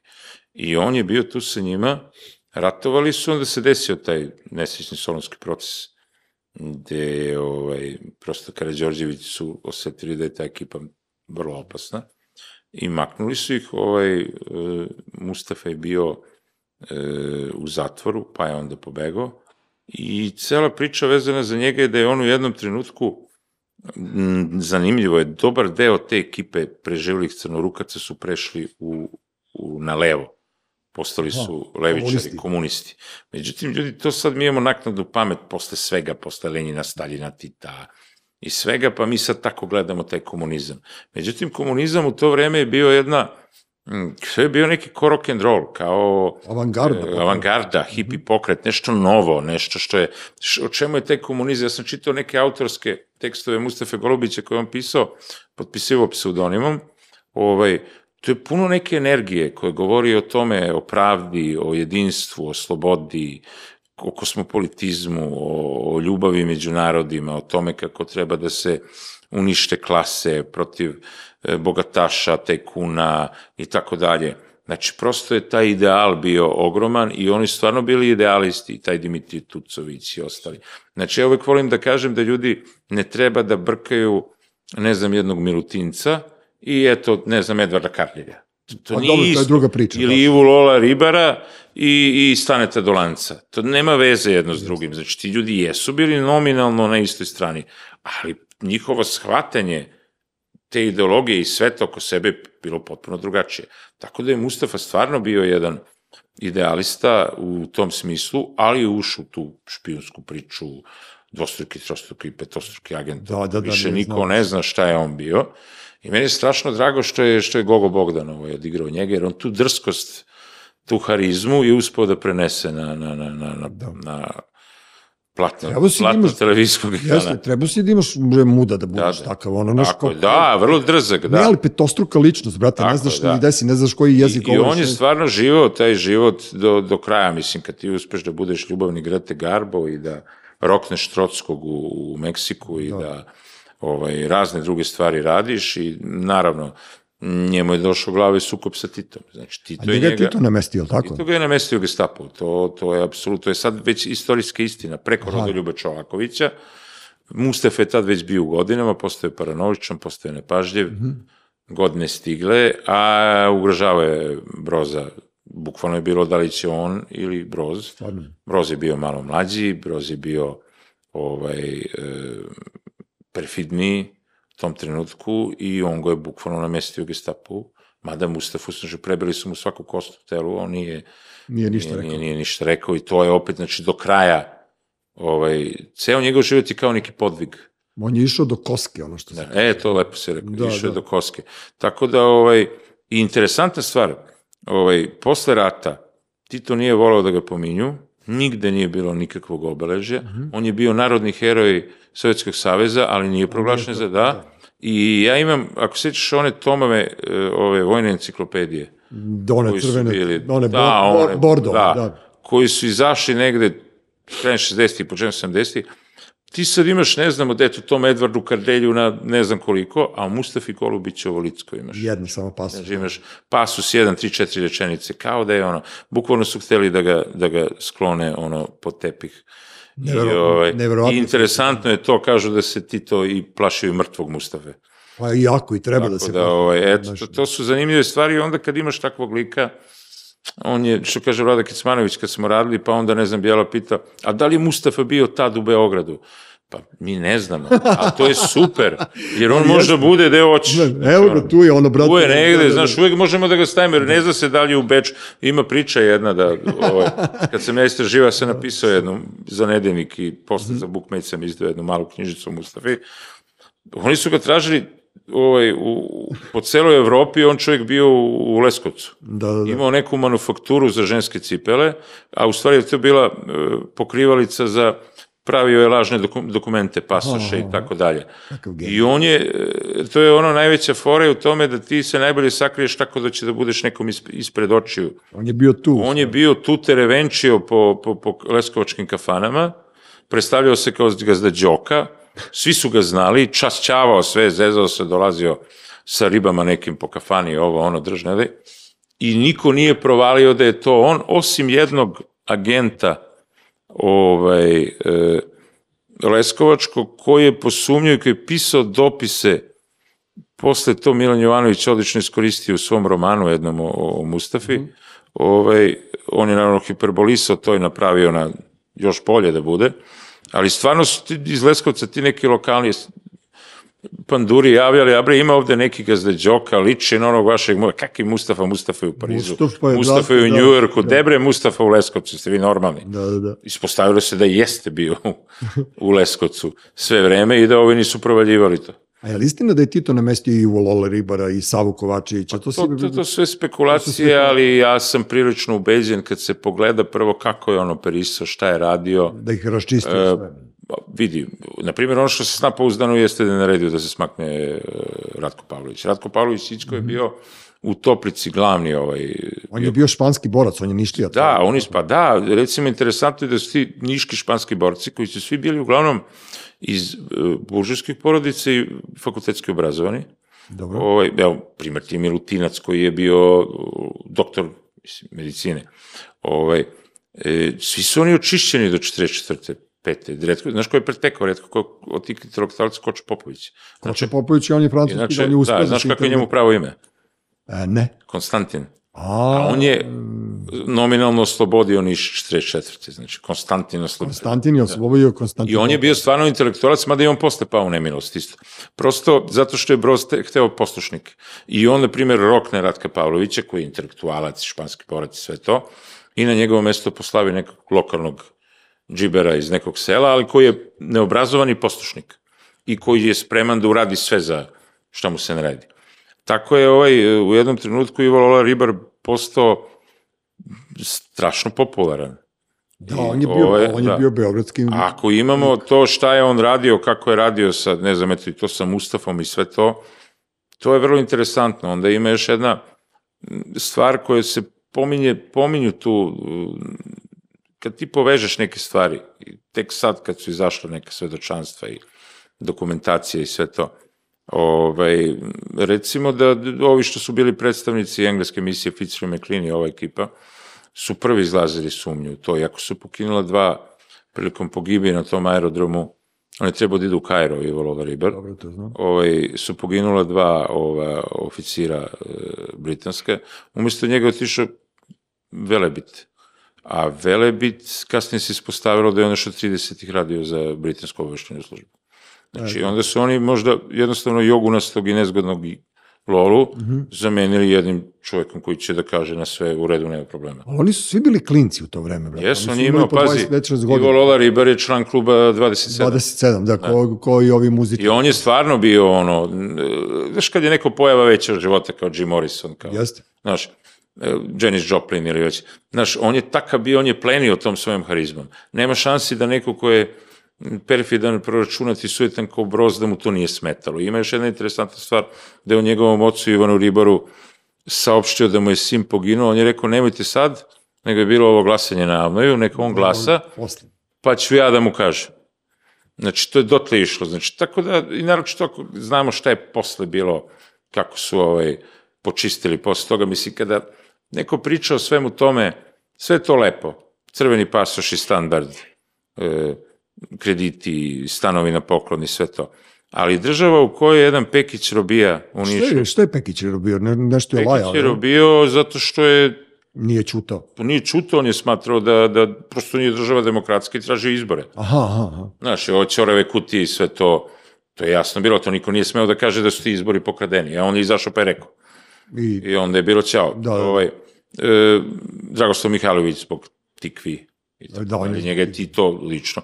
A evo, pročitaj sad i dan danas možeš na internetu nađeš što je kratka priča, ovaj, jeretička priča Branka Ćopića. To što su oni Branku Ćopiću uradili, koji nije bio samo veliki pisac, nego je bio i heroj za vreme rata, e, mislim, sve te ljude koji su stvari stvorili to kroz narodno-slobodačku borbu, koji su bili idealisti, a ne proračunate bitange kao što je recimo bio Edvard Kardelj, ovaj, e, svi ti ljudi su posle postradali. Ili su poginuli i pobijeni za vreme rata, ili su posle rata završili na Golom otoku u uh, progonjeni kao Branko Ćopić i Kočo Popović ili ubijeni kao Krcu, ne znam i tako dalje. Znači nije bilo tako da ako ti izgradiš državu na takav način, ništa čudno nije da deset godina posle tvoje smrti Jer sve i ljudi koje se ti izgradio i školovao, tvoji generali i političari, to uvedu u jedan strašan bratubirački rat i bukvalno raskomadiju tu državu.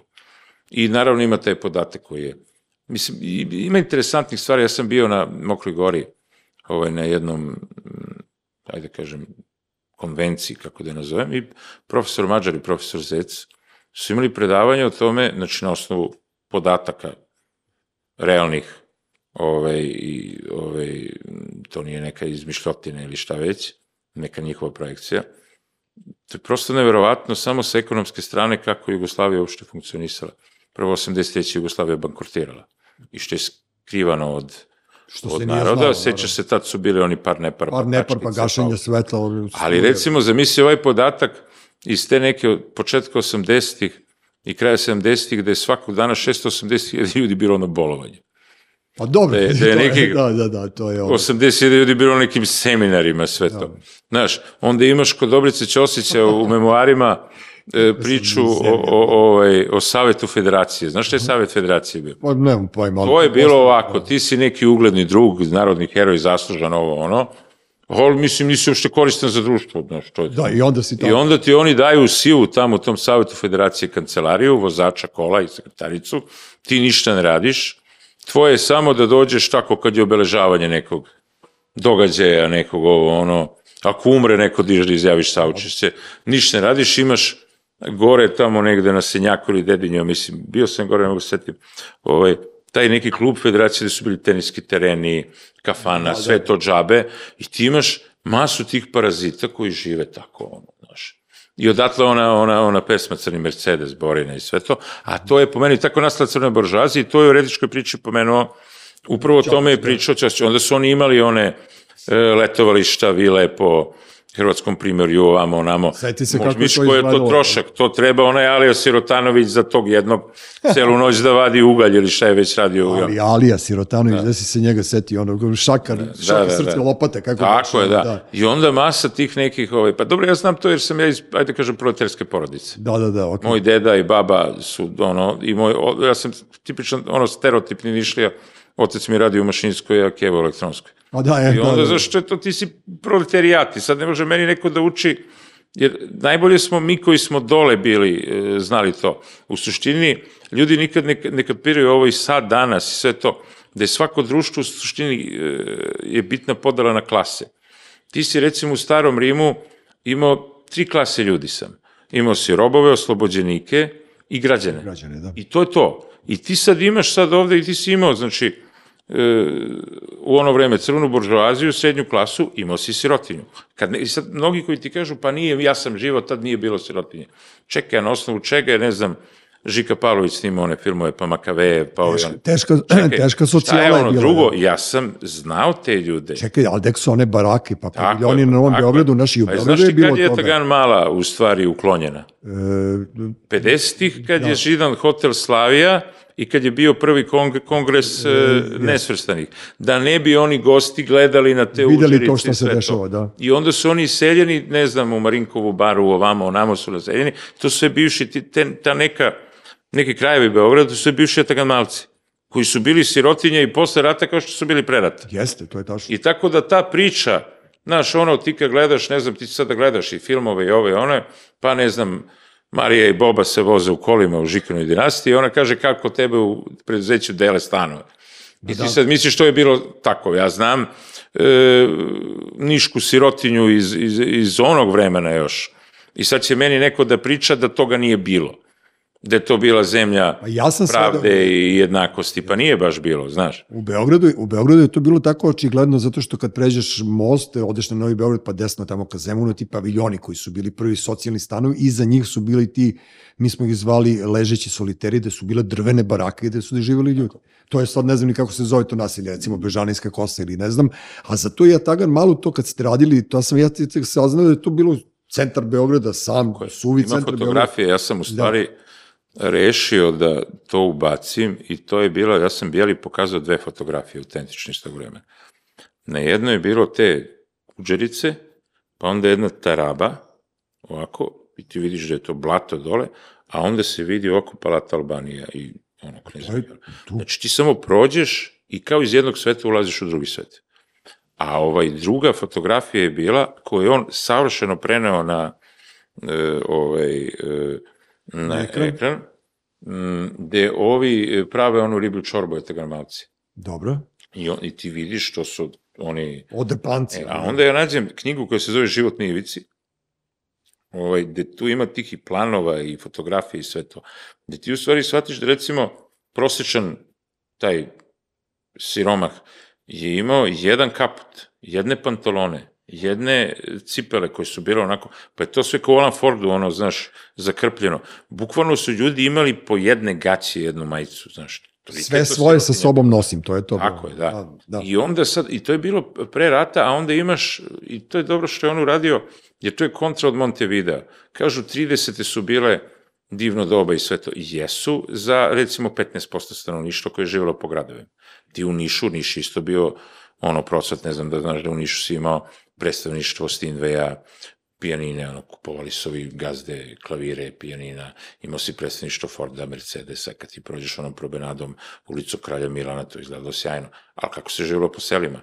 Kako se živjelo po manjim varošima? Znam, Kako se živjelo u Gađanom Hanu, kako se živjelo, ne znam, u okolnim ovde, kako se živjelo na Kosmaju, gde su bili rudnici, inače, i tako neke druge stvari. Moj de, pradeda, Živojin Stojiković, ja to znam, mislim, iz porodične priče, je bio, evo sad pričamo o tim Rio Tinto, rudnici, sve to. On je bio u Jelašničkom rudniku. Jel- Jelašnice, e, mesto pored Niša, blizu Niške banje, gde su Francuzi imali koncesiju, to su bili strašni uslovi, mislim, da se tu živi. I moj deda, njegov sin, je postao, otišao u podoficersku školu, jer ovaj nije teo da ga, e, to ko on uči s mašima kod Mihajlovića, ovaj nije teo takav život za njega. Jer prosto je ovaj... Skloni se odavde. Da, deko, to je bilo strašno. I, e, to se isto bilo 30-ih. Da. A istovremeno imaš Montevideo, šljašti i sve lepo. I interesantna stvar je recimo da je 85% stanovništva te kraljeve Jugoslavije živelo na selu. Što znači da je 10% stanovništva u stvari bilo, Gradsko. 15% je bilo gradsko, 80% stanovništva je bilo uglavnom sirotinja. Osim onih kmetova i ostalih Da. po selima, svi su bili ono, Ja se sećam tog vremena, je- me, moji otaci iz sela Moravac i kod Ljiga, oni su 75. ili 6. godine kad dobili struju. Moj brat da. stariji koji je završio mašinski fakultet na lampu. Tako da se ja sećam tih vremena i uvek je najmlađi iz porodice sin slan u grad na školovanje. Sreća, bo je moj ćal imao sreće da je, da je bio najmlađi. Tako da znam sve te, te, te težačke poslove i to tu sirotinju i tu glad i kad je moj ćale umro, njegov najbolji ortak je rekao, koji je bio doktor, rekao da je umro zbog lošeg detinjstva. Oni su bili gladni Da, da. tamo, prosto Tako je je, da. tako bilo. Tako da tačno znam o čemu pričaš. Međutim, e, pošto nemamo da, beskreno onda, mnogo- onda dođe neko danas i onda počne. I onda počne da tupi o, o, o levičarenju, da peva partizanske da, pesme, da. da. da govori sve to. Pa ne možeš ti meni koji sam, jel ti, iz proletarske porodice, da mi iz neke priče buržujske, a svi ti ljudi su kao što i sam znaš, ili, ili potomci nekih Nasled, naslednici, da. koji uopšte ne znaju. Sad sam slušao priču jednog prijatelja koji je čitao jedan popularan roman gde autorka koja očigledno nije pripadnik proletarijata kao ti ja, opisuje e, kako se stiže, ne znam, iz nekog dela Beograda autobusom ili trolom do, do, do, do, do k- ovaj, zelenjaka ovde i onda provalili ljudi, neki klinci, da to uopšte nije tačno tako, da to nije to vreme, da to, i da onda su provalili da se ona nikad nije vozila. Ovaj, Da, da, da, da. ja sam imao jednu situaciju kad sam tako razgovarao sa tom nekom ekipom koja je puna tih nekih stvari, mi hoćemo promene, mi ovo, mi ono, i ja ih pitam samo, dobro, aj sad mi kažete jednu stvar, kad ste se zadnji put vozili autobusom? Ma nije to ušlo bus, Znaš, su ti... To je, znaš, su ti ljudi koji, ali oni su strašno zabrinuti, sad, znaš, oni idu, ne znam, u nedeljice kod ovih sirotih ljudi tamo, pa onda kao oni njih, sad ono, pa onda kad su ovi sad glasali, znaš, a oni su strašno puni osude, to oni su krivi, taj, pa ti uopšte ne znaš kakvu muku taj, taj, taj čovek ima. A dobro, ali to, Znaš. to donosi profit, to su ti grantovi, to su ti Tako. NGO koje... I onda ide ta priča, ti iz te pozicije, ne znam, ono, tih e, kafića u krugu dvojke ili u Niškom krugu dvojke, to imaš i u Nišu, to taj. Ovaj, sad odjednom su oni kao borci za prava manjina, potlačenih, siromašnih i sve to. Recimo, mislim da, kad pričaš o NGO, e, još kraja 90. u Nišu si imao masu akcije NGO, ovo, ono, za niške Rome ti ljudi koji su ovaj, to radili, mnogi od njih, mislim, njima je pomoglo da mnogo bolje žive, No, ali mnogi od Romima- njih Romima a nije. ovima, ovi su tamo gde su bili pre 25 godina. U karton nasilju, Jeste. sirotinje skupljaju tamo sekundarne sirotinje. Njima nisu pomogli ništa, ali sebi su pomogli. Pa naravno, zato je... Ja, Ali zato je- su puni ono što kažemo self-righteousness. Jeste. Ja Mi sam- smo sada ono kao mnogo dobri ljudi. ja sam ušao u sukob sa svoje vremenom ekipom 92-ke, kad si pominjao LDP, kad sam provalio ko su prvi botovi, tačno iz čedinog štaba su bili koji su nas pljuvali još na VIP blogu 92-ke i tako dalje, tako dalje. Ušao sam zbog tog licemerja, naš otvaraju slu, ovaj, sigurnu kuću, a slikaju je jebote, kapiraš, Veran i ekipa otvaraju sigurnu kuću i sigurna kuća koja je u Pančevu i vidi se adresa i broj sigurne kuće i onda je neki ludak ušao i Da, da, pa to sam baš teo kažem, ženu. da može ta fazonu budala da nađe, znači, ne, nego je našla i to oko toga je ispalo i onda je bilo ono kao, e, kao ti stalno kenjaš. Ne, nego ste vi to uradili, zato što ste licemeri i zato što, ali ne, neću se vraćati tome. Moram samo da napomenem da e, mi je jako drago u junu u Laguni, jel tako, će da objavi novu knjigu koju ste pisali, što ja to kažem, je u četiri ruke. Nova stara knjiga, to je stvari ona... Senka i san, to je trilogija o To je Stefanu. trilogija o Stefanu Nemanji koju smo mi ranije napisali 2016. izašlo, ono tri Vi različita ste dela. i Vlada Kecmanović. jel Ja i? Vlada Kecmanović Da. smo to uradili. On je izašao u tri dela, u potpuno jednom drugačijem formatu. To je išlo i na trafike i sve to. Ja sam teo da uradim jedno integral. Dobro. Pošto sam ja, jel te, učim iz, iz stripovske industrije dosta toga. Obično kad ti nešto izdaješ u delovima, publika traži da to sabereš u jednom, U jednom trenutku knjigu, da ali, dođe, ali da. da to ne bude baš isto. Nego, Da. potpuno smo drugačije, drugačiji forma, drugačiji dizajn, sve drugačije.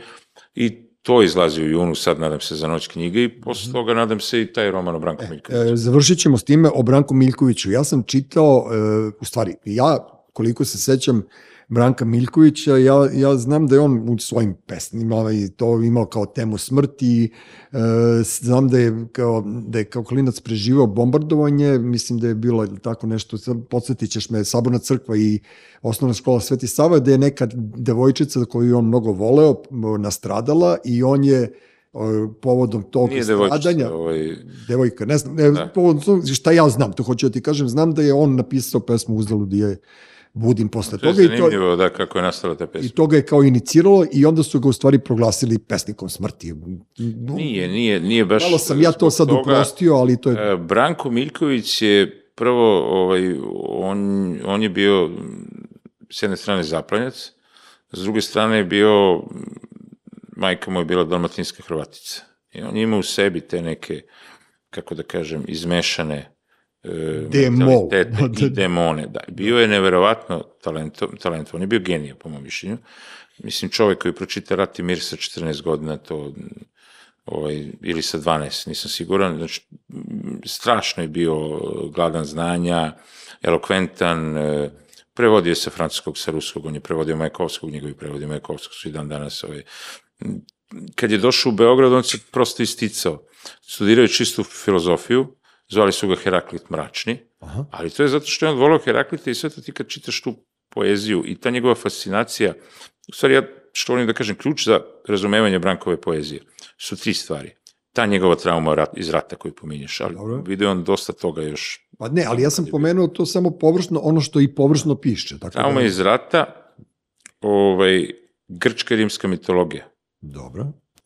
i ovaj e, taj njegov e, kako da kažem nestalni karakter e, u smislu da je on u sebi izmešao i taj jug i, i, i, ovaj, i tu sofisticiranost i Beograd je uticao na njega i sve to. I onda kad e, recimo koliko tih slojeva ima u poeziji samo vezanih za, za, za grčku mitologiju, za slovensku mitologiju, za e, te neke stvari koje su, e, kako da kažem, e, duboko filozofske, ali ti neki arhetipi koji su sami po sebi, mislim, mračni. Jedna od njegovih poznatih pesama je Tamni Velajet, koji u stvari govori po čuvenoj našoj narodnoj priči koji govori o tom biranju.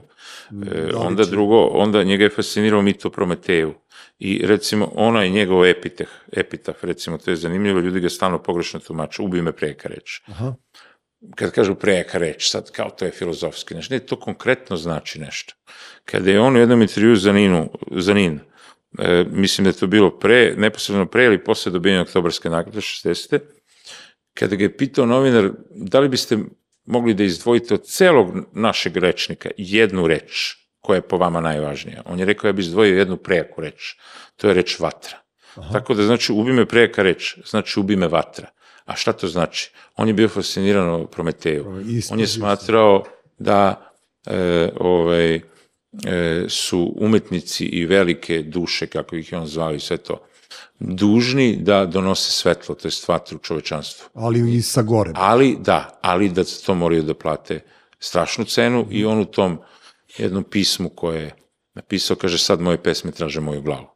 Znači on je stalno bio u tom nekom, ali mislim, e, ako čitaš pesme Vaska Pope ili mogu, jednog od mojih omiljenih pesnika Midraga Pavlovića iz tog vremena, kog je Branko mnogo volio, i još neke druge pesnike, pa i oni su isto tako bili. Vasko Popo je Ovaj- bio ono sve vreme, Da. ono, naj, naj, Tako je, naj- i oni su bili najojačeniji, opći, da. mislim, postoje, u, u, knji, u književnosti i umetnosti opšte, što postoje samo nekoliko velikih tema, to su ti smrt, život i ljubav. Jeste. I kakav je to e, ovaj pesnik koji ne, ne govori o smrti? Ili ne vezuje to s nekim drugim temama? A dobro, smrt je jedino nepoznanica svima nama. Da. Nemamo pojma E, šta pa se to dešava je kad isto umreš. zanimljivo, ovaj, da, da, da je njega zanimalo, strašno ga je zanimalo šta je s druge strane. to ti I on je o tome i govorio. On je govorio u svojoj poeziji, ona je dosta slojevita, dosta je kompleksna. I, ovaj, I na kraju ga je u stvari ta vatra uh, ubila zato što se drznuo da, da, da, da bude Prometej. Ali misliš da su ovaj, njega roknuli ili je kao ono što je Džadžić pisao svoje vremeno kao izvršio sam ubistvo? što je- je bio čovek službe, mislim. Znači, to je znači. Džadžić je tokom 90-ih, što je manje poznato, u medije plasirao tezu da je on ubijen. A pre toga je on, A on je rekao napravio da- kanon da je ovaj samoubica. Da, da, da. Ali onda je nešto malo, da li ga je grizla savest i sve to. Onda je počeo da vede, ja imam te članke, inače ja sam nabavio, zanimljivo je, e, ja sam uspeo da nabavim preko legata Branka Miljkovića, preko Kustosa, fotokopije raznih tekstova iz hrvatskih medija iz 80. i 90. Dobro. I tu ima recimo to Đađićevo da on priča, ne, ne, ne, on je ubijen sigurno i tako dalje. Čovek koji je govorio sve vreme. Koji je govorio da se okačio Da- o da neko drvo koje je da. niže od njega. Otprilike. Da, i klečao na kolenima i sve Da, to, i ni imao tuđ kaiš oko vrata i on besio kanapom, nego kaišema imao svoj kaiš. Znači, Sve, su- da, da, da. Vidi se da je namešno. Ona moja teorija je u stvari da, da je moguće da je on nastradao, pošto taj deo Ksaver je bio vrlo problematičan, da je on možda nastradao negde, da ga udario neku nekoj kafanskoj tuči ili sve Su to. ga okačili posle. Ali pošto su ga pratili već to, sve vreme dvojica i pominje njegova gazdarica, ovaj, e, dvojicu, dvojicu nekih ljudi koji su tu dolazili, moguće da su oni ušli i, i, i zataškali celu stvar, njega onako obesili na brzinu Pa da, i, i on čak imao nakrivljen šešir. Mislim, ko je to čovjek je nakrivi šešir pa se besi, mislim, to malo. da, da, da, ono, I, Lola ovaj, Bekrija kao... I imao je interesantno, od, nije imao prste, nije imao novčanik, nije imao ništa. Imao je prav, eh, pravoslavni kalendar za prosto 61. u džepu. Jedno od imovine. To je, to je zanimljivo. Znači, ima tih takvih neverovatnih detalja vezanih za to. A njega su proterali iz Beograda, je li tako? Njega On su je iz Beograda bukvalno proteran, e, što od strane... Šta je on uradio? Je napravio, kažu da je to ključni moment bio kad se on odrekao svojih pesama. Međutim, on je imao pesmu Tito, Jugoslavija i to. I sad ti da se u ono vreme odrekneš pesmu Titu javno, u dugi, Nije lepo. to baš nije, a već je pravio neke incidente, e, između ostalog i na jednom prijemu kod Tita, to je vrlo zanimljivo, kod Tita kad su dolazili, e, jedni čovek u belom, je mogao, u belom modelu je mogao da bude Tito. Svi su morali da budu u, u crnom. I ja sam našao čak tu pozivnicu za, za, za taj prijem, ovaj, e, drugu Branku Miljković i piše dole kao za dress code e, crni frak. Branko dolazi u belom modelu. Pa da. Traže da, se... Da, da. I pravi tu već, mislim, pa, Incident, to, to, veliki. incident, to je, tu, mislim, ajde izrazim, da imaš ogromna muda to da uradiš. A pošto je on bio trener 26 godina tad, mislim. Klinac, pa da, oni su... A, ali pazi ti ko je to hrabrost da ti to uradiš i odeš tamo i onda mu ovi kažu da ćemo ti iz diplomatskog magazina ovi tamo u Bašiću. Ne, ne, ne, ne, i na kraju ga puste. I ti to ga vidi, znači on je recitovao Da, da, da, Tito da. i sve to i ti to rekao, ok, u redu je kao ono. Ali e, Ok, posle toga ga se on zamerio, mnogima zamerio, drugo i, znaš ono, kad, mislim da je to Einsteinova misao, nisam siguran, kažu da genija može da prepoznaš po tome što se sve budale na svetu urote protiv njega. Znači, gomila nekih tipova koji su tad bili neki urednici, pesnici, pisci, za koji dan Ne danas... da bi se nametnuli Titu, je da bi se ulizali u ne, bulju, oni su išli protiv njega, naravno. I bili su ljubomorni, strašno. I oni su, svašta su, mislim, to su podmetačine radne bile, napisi čuda i jednostavno drugo nije mogo da nađe posao ovde, u Beogradu. Pa dobro, ko Nigde bi nije mu, da, da nađe ko bi mu i dao, ne bi. da. I onda je on otišao i našao treba da ide ili u Titograd ili u Zagreb, tamo su mu obećali na radiju da radi Mhm. kao neki urednik. I tog dana, kad on odlazi u noć sa tom dvojicom Mhm. i sutradan ga nalaze mrtvog, a interesantna stvar je bila, sutradan tog dana je bilo pomračenje sunca. Ma i ti, bre, da, Znači, sve se nešto ti događa, Sve da. uvežeš, da, da, da. I, ovaj, i e, tog dana kad je on otišao, on sa telefonske govornice zove oca i majku, traži da mu pošalju izvod iz matičnih knjiga rođenih, da mu pošalju neke druga dokumentaciju i da mu pošalju nešto od odiće. Ko to radi ako planira uveče da da se ubije? ubije, da, da, da. Znači, tako da ovaj, porodica naravno nikad nije poverovala u to. Tako da to ima mnogo velike, to je najmisterioznija možda smrt naše književnosti.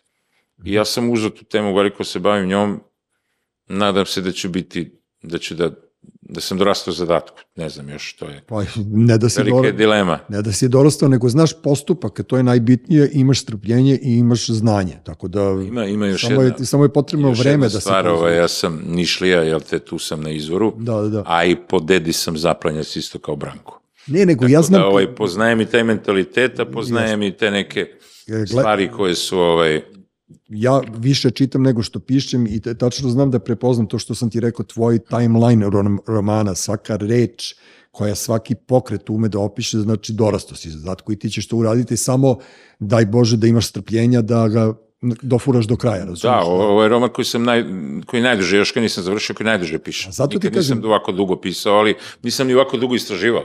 Da, da, da. Ali ovaj, mislim da će da, da ću biti zadovoljan. Vidjet ćemo da će publika da bude zadovoljna. To je- Dobro, ti, ti ono, kako ti kažem, ja, ja ću biti zadovoljan, znam već sada, zato što e, ne krijem da, da, da mnogo volim tvoje ove te istorijske, ja sam ih nazvao istorijske vesterne, nadam se da se ne Dobro, to jeste vrlo tačna. Ovaj, Ali jeste, Jeste, dobro, ali ne, western, da. mislim, mislio sam da sam možda malo nešto izletao, jer tu umeju ljudi, ne znam, da pogrešno shvate, nisam nikad, m, uopšte nisam želeo da te uvredim, čak mi je to ono neka, neki Ne, ne, ja moj... mislim da to, pa kao što kažu za Šibu Krvavca, da su oni njega, da su to partizanski westerni, Da, da, da. to jest eastern, i ovo moje naročito duge noći crne zastave, i su Nije duge noći crne zastave. to- western, da. Jeste, to je to, To je. Vajater, Pudri. Ide, znaš, to je. Da, da, ima, ima protivnika i svega. E, za kraj samo da te pitam, ti si dobio nešto, e, milion nagrada za književnost, zašto si dobio, kako, koji je razlog da dobiješ ono 63. padromarska divizija, si dobio orden, jel tako, za... Ne, dobio sam jednu, to jedinica dodeljuje, mislim, ja ordenje to nisam ono baš... e, Dobro, Imalo je, čak sam imao situaciju da su hteli da mi predlože svetinski od- orden, pa sam odbio. Prosto ja ne verujem u takve Ne, stvari. ti, interesantno U je da ordenje ne verujem, u ordenje ne verujem od kad je moj ovaj, pradeda Ilija Antonijević po majici, kad su došli ovaj, posle rata, eh, imamo tu senkama kako su tretirali veterane. Njemu je rođeni brat umro na Kajmakčalanu na rukama. I onda kad su došli u Kuršumliju dole, nešto je bio neki narodni zbor, došli ovi političari, on je uzao Karadžorđevu zvezdu, gađao tog, šta je već bio, ovaj, predsjednik opštine i sve to i rekao je, evo nosite ovo kralju Aleksandru. I onda je bio dva meseca u zatvoru u Kuršumliji. Znači, dobro, Tako da, ako se on mogao odreći Karadžorđeve zvezde, moći ja i tih nekih potez, ne, ne, ne mogu, ne verujem te stvari. Da, da. Ali sam, ovo mi je strašno drago zato što ovaj, ja sam služio u 243. mekanizovanoj Aha, aha. brigadi Prištinskog korpusa 2003. godine u kopnoj zoni bezbednosti, koja je po tim zvaničnim ovaj, našim državnim stavu bilo poluratno stanje. Znači nismo baš... Dobro. Bila je ta oslobodilačka vojska od Preševa i Bujanovca i bio sam dosta u tim nekim tim patrolama i ovamo i onamo sa padobrancima i onda sam se zbližio, sa, pošto je to ipak jedinica koja je u mom gradu i onda umeđu vremenu sam tako sa tim nekim prijateljima i sa ljudima koji su ovaj, na čelu jedinice radio neke humanitarne akcije i tako dalje, i tako da je naravno ja to nisam medijski to. Dobro, ne moraš da pričaš to, nego me interesuje. iz B92. Da, da, ali Tako da su meni da. za dan brigade dali tu povelju, kako se već zove, ovaj, to je najviše, oni to daju i drugim, to su uglavnom da je pripadnicima 63. Dobro. Ali ponekad dobije neki civil. I to je stvarno najviše to neko priznanje koje jedinica može da civilu. Dobro. Tako da sam ja strašno ponosan na to, jer opet godinama sam radio tu nešto, pomagao na ovaj način. Mislim, radili smo mi te neke razne te, humanitarne akcije u smislu da ova država kako tretira te ljude koji su e, založili i život i zdravlje i sve to ovaj, za, za nju, ovaj, to je skandalozno, to je strašno. I onda smo radili, mene tako pozovu ako možemo da skupimo neki novac za mm, porodicu nekog. Sad se dešava ti ljudi od tih posledica, čovek Mogu da rade, da. ne mogu da rade, ili su invalidi ili umru, pa onda treba porodici da se pomogne ili, ili da se da za neke lekove ili recimo bio je slučaj u jednom selu od jednog veterana sa košara, ostaje samo sin sam, pa se onda i to, znači takve neke stvari smo radili ove, i, i oni su umeli decene prosto. Ja te stvari koje radim, ja se znači dugo bavim tim humanitarnim radom, ali mi je jedan od uslova kad radim da to nema u, u medijima, postoji u Nišu nešto što se zove sevap.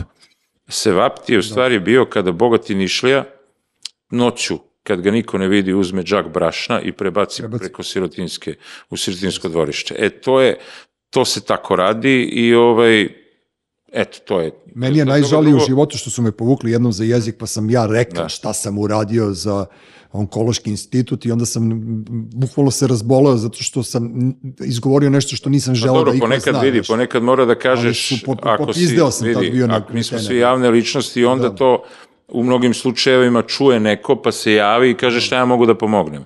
I ja, evo sad sam trenutno radio, pozivao sam i radim neke stvari za, za ove nesrećnike, nesrećne rudara koji su postradili u Aleksincu.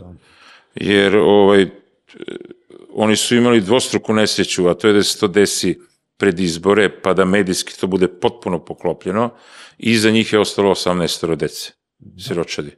I evo, evo sad ja pozivam isto ljude da, Pa i treba. Da, da treba potraže na internetu, aj sad ne pričamo, postoji akcija, um, ovaj, potražite na internetu, pomo, mislim, Treba pomoći treba pomoći, to je, to je strašno što se dogodilo tamo i to se događa dugo, ja sam tu, što se kaže, u komšiluku i dosta znam, imam prijatelje koji su rudari, imam prijatelje koji su podobranci, imam prijatelje koji su veterani i znam sve te muke. Jer imaš prijatelje koji su pisci.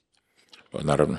pa to, to ti vidite. Ma, Ali najmanje ih je, više ih ima među podobrancima Da, među e, samo sam hteo da kažem da mi je drago da je Vlada Pištolo e, uspio da okupi e, ekipu za žiri neke nove književne nagrade i ovaj, e, posle svog one, ono, ono pičvajza oko Ninove nagrade, drago mi da ste se vi neki odazvali da budete u žiriju, da na neki način date podršku kolegama, pre svega knjiz, za roman ili već knjigu koju mislite vi da treba da bude skrenuta pažnja na to i to je meni, to ja pozdravljam, zato što na neki način ono, konačno postoje neki ljudi od nekog autoriteta koji, koji mogu da ne odlučuju od nečemu, nego samo da bukvalno da skrenete pažnju da postoji možda neko delo za koje, oko koga ste vi stekli, ono, se dogovorili da to delo bude ovaj, pohvaljeno, protežirano ili već dobilo koju kakvu nagradu bez ikakvog ono, ono premisa da tu postoji neke, neke veze, neka posnanstva i to, jel ti ovim što si sad ispričao proteklih ne znam koliko vremena, ovaj, garantuješ da si ono, znaš, ja sam prosto... Ja mogu da, da govorim iz pozicije neko ko je, e, ko se time bavi. Da. Znači, ja imam problem stvarno s tim e, samonametnutim e, autoritetima, e, da prosto e, neko ko nikad nije napisao priču ili roman, e, treba da uči neko ko je napisao, ne znam, 5-6 romana i 30 priča, kako se to radi. To je malo meni od uvek bilo problematično. E, Drugo, pričaju sad stano kako ima nekih 300-400 nagrada. I onda svi nešto ne. kažu, e, pa i, ima stvarno dosta nagrada, ja ne znam da li je to tačan broj, ima ih dosta. I onda stalno kažu, e pa evo ovi pisci, ovi, oni svi pišu, svi ono. A u stvari ljudi ne znaju, dobar deo tih nagrada je nastao zato što su to napravili ti profesorčići, kritičari, teoretičari i sve to, da bi oni mogli da imaju taj meki, sebe, neku da. moć, uticaj. I od ovo prilog govori, znaš da imaš, da imaš, ja znam nekoliko nagrada, da recimo pisac, laureat, dobija neku plaketu, i dobija neki odlivak, ne dobija ništa kintu, ali zato ovi u žiriju svi dobiju pare. Svi su dobili pare za žiriju, To je da. apsurd. I oni prave tu onda se idu iz žirije u žirije, ovamo mešaju se ovo, ono, da bi oni mogli da imaju neki utjecaj. I dobar deo nagrada književnih, nije nastao zbog pisaca, Nego nego, zbog tih mediokriteta u žirijima. Pa dobro, ali I- ti mediokriteti su bliski ovim, ovim mediokritetima, tako da se Tako napravi da, tu i možeš da podeliš nagrade, to je zanimljivo, ja i tako kažem. Ove koji su građanoidne i ono, idu levo, i ove koji su uh, folklorni nacionalizam, ovi koji Da, su, da, da. znači ovi koji su srbende i ovi koji su ono, tačno možda, i tačno možda vidiš i laureate. Znači ti znaš da kod ovih ovamo, ne znam, nikad neće da dobije Srđan Valjarević ili Enes Kalirović, a kod ovih ovde nikad neće da dobije Vlada Kecmanović i ne znam, Dragoslav Mihajlović. Znaš, jer ovi su previše Srbi, a ovi su premalo Srbi. I kad je bila ona frka oko, oko nagrade, e, tu je najjači bio Dragoslav Bokan, moj omiljeni ovaj, srpski komedijant Dobro. ovaj, i zabavljač, koji je rekao to je rat e, kako je rekao, anti-Srba protiv malo Srba. A to je uvek ona priča, nisi, ili nisi dovoljno ne znam, građanin i demokrata, ili nisi dovoljno Srbin, znaš. A to, a još ako si nešto što ti kažeš, pa dobro, ja mogu ja da budem nešto između, Da, da, da. da. ja, to, jer to ne isključuje jedno drugo, znaš. Ako ja volim svoju zemlju, ne znači da sam ja protiv ne, znam, građanskog ali, društva. Ali, ali neverovatno koliko degenerika ima oko nas. To je ono, mo- ono dobro, znaš, to je- ali i uve- uvek je ta e, manjina, ono kao ne znam, sad ne mogu da, da licitiram brojeve, ali ja sam uvek nešto tu negde oko između 3 i 5 hiljada normalnih ljudi, ovi ostali su svi ono, ili observeri, ili posmatrači, ili zajedljivci, ili podmetači i tako dalje i tako dalje. E, Dekso, ja prosto moram da završim nekad. Ja, ja, znaš, ovi podcasti imaju tu slobodu da možemo furamo koliko hoćemo, ali volio bi da dođeš još nekad.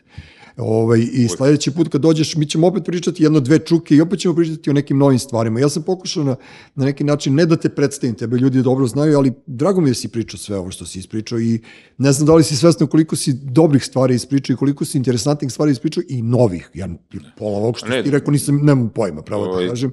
I meni je to tvoje, što sam te nazvao pripovedačem, meni je ono užasno drago da sam pogodio. Ti si stvarno ber pripovedač, ono držiš pažnju, pričaš mi ovde bajke, pod uslovom, noš i meni, ja uživam u tome, meni je to super. Pa to je u stvari treba da samo da zavedeš čitaoci, to je to. Pa ne, ali, ali prosto, kako kažem ti, ali ne, jebi ga, nemaš ti da zavedeš čitaoca, a da, a da ne znaš da, da pričaš priču. E, Želim ti puno sreće, puno zdravlja, da što manje pričaš o tome da li ti je veliki šećer ili mali, mali pritisak, ovaj, pazi se, čuvaj se, takav čovjek treba Srbiji pre svega. Hvala, treći Hvala svet. Uroš Bogdanović, Deksa Stojilković, Dule Nedeljković, čujemo se sledeći put. Treći svet. Treći svet.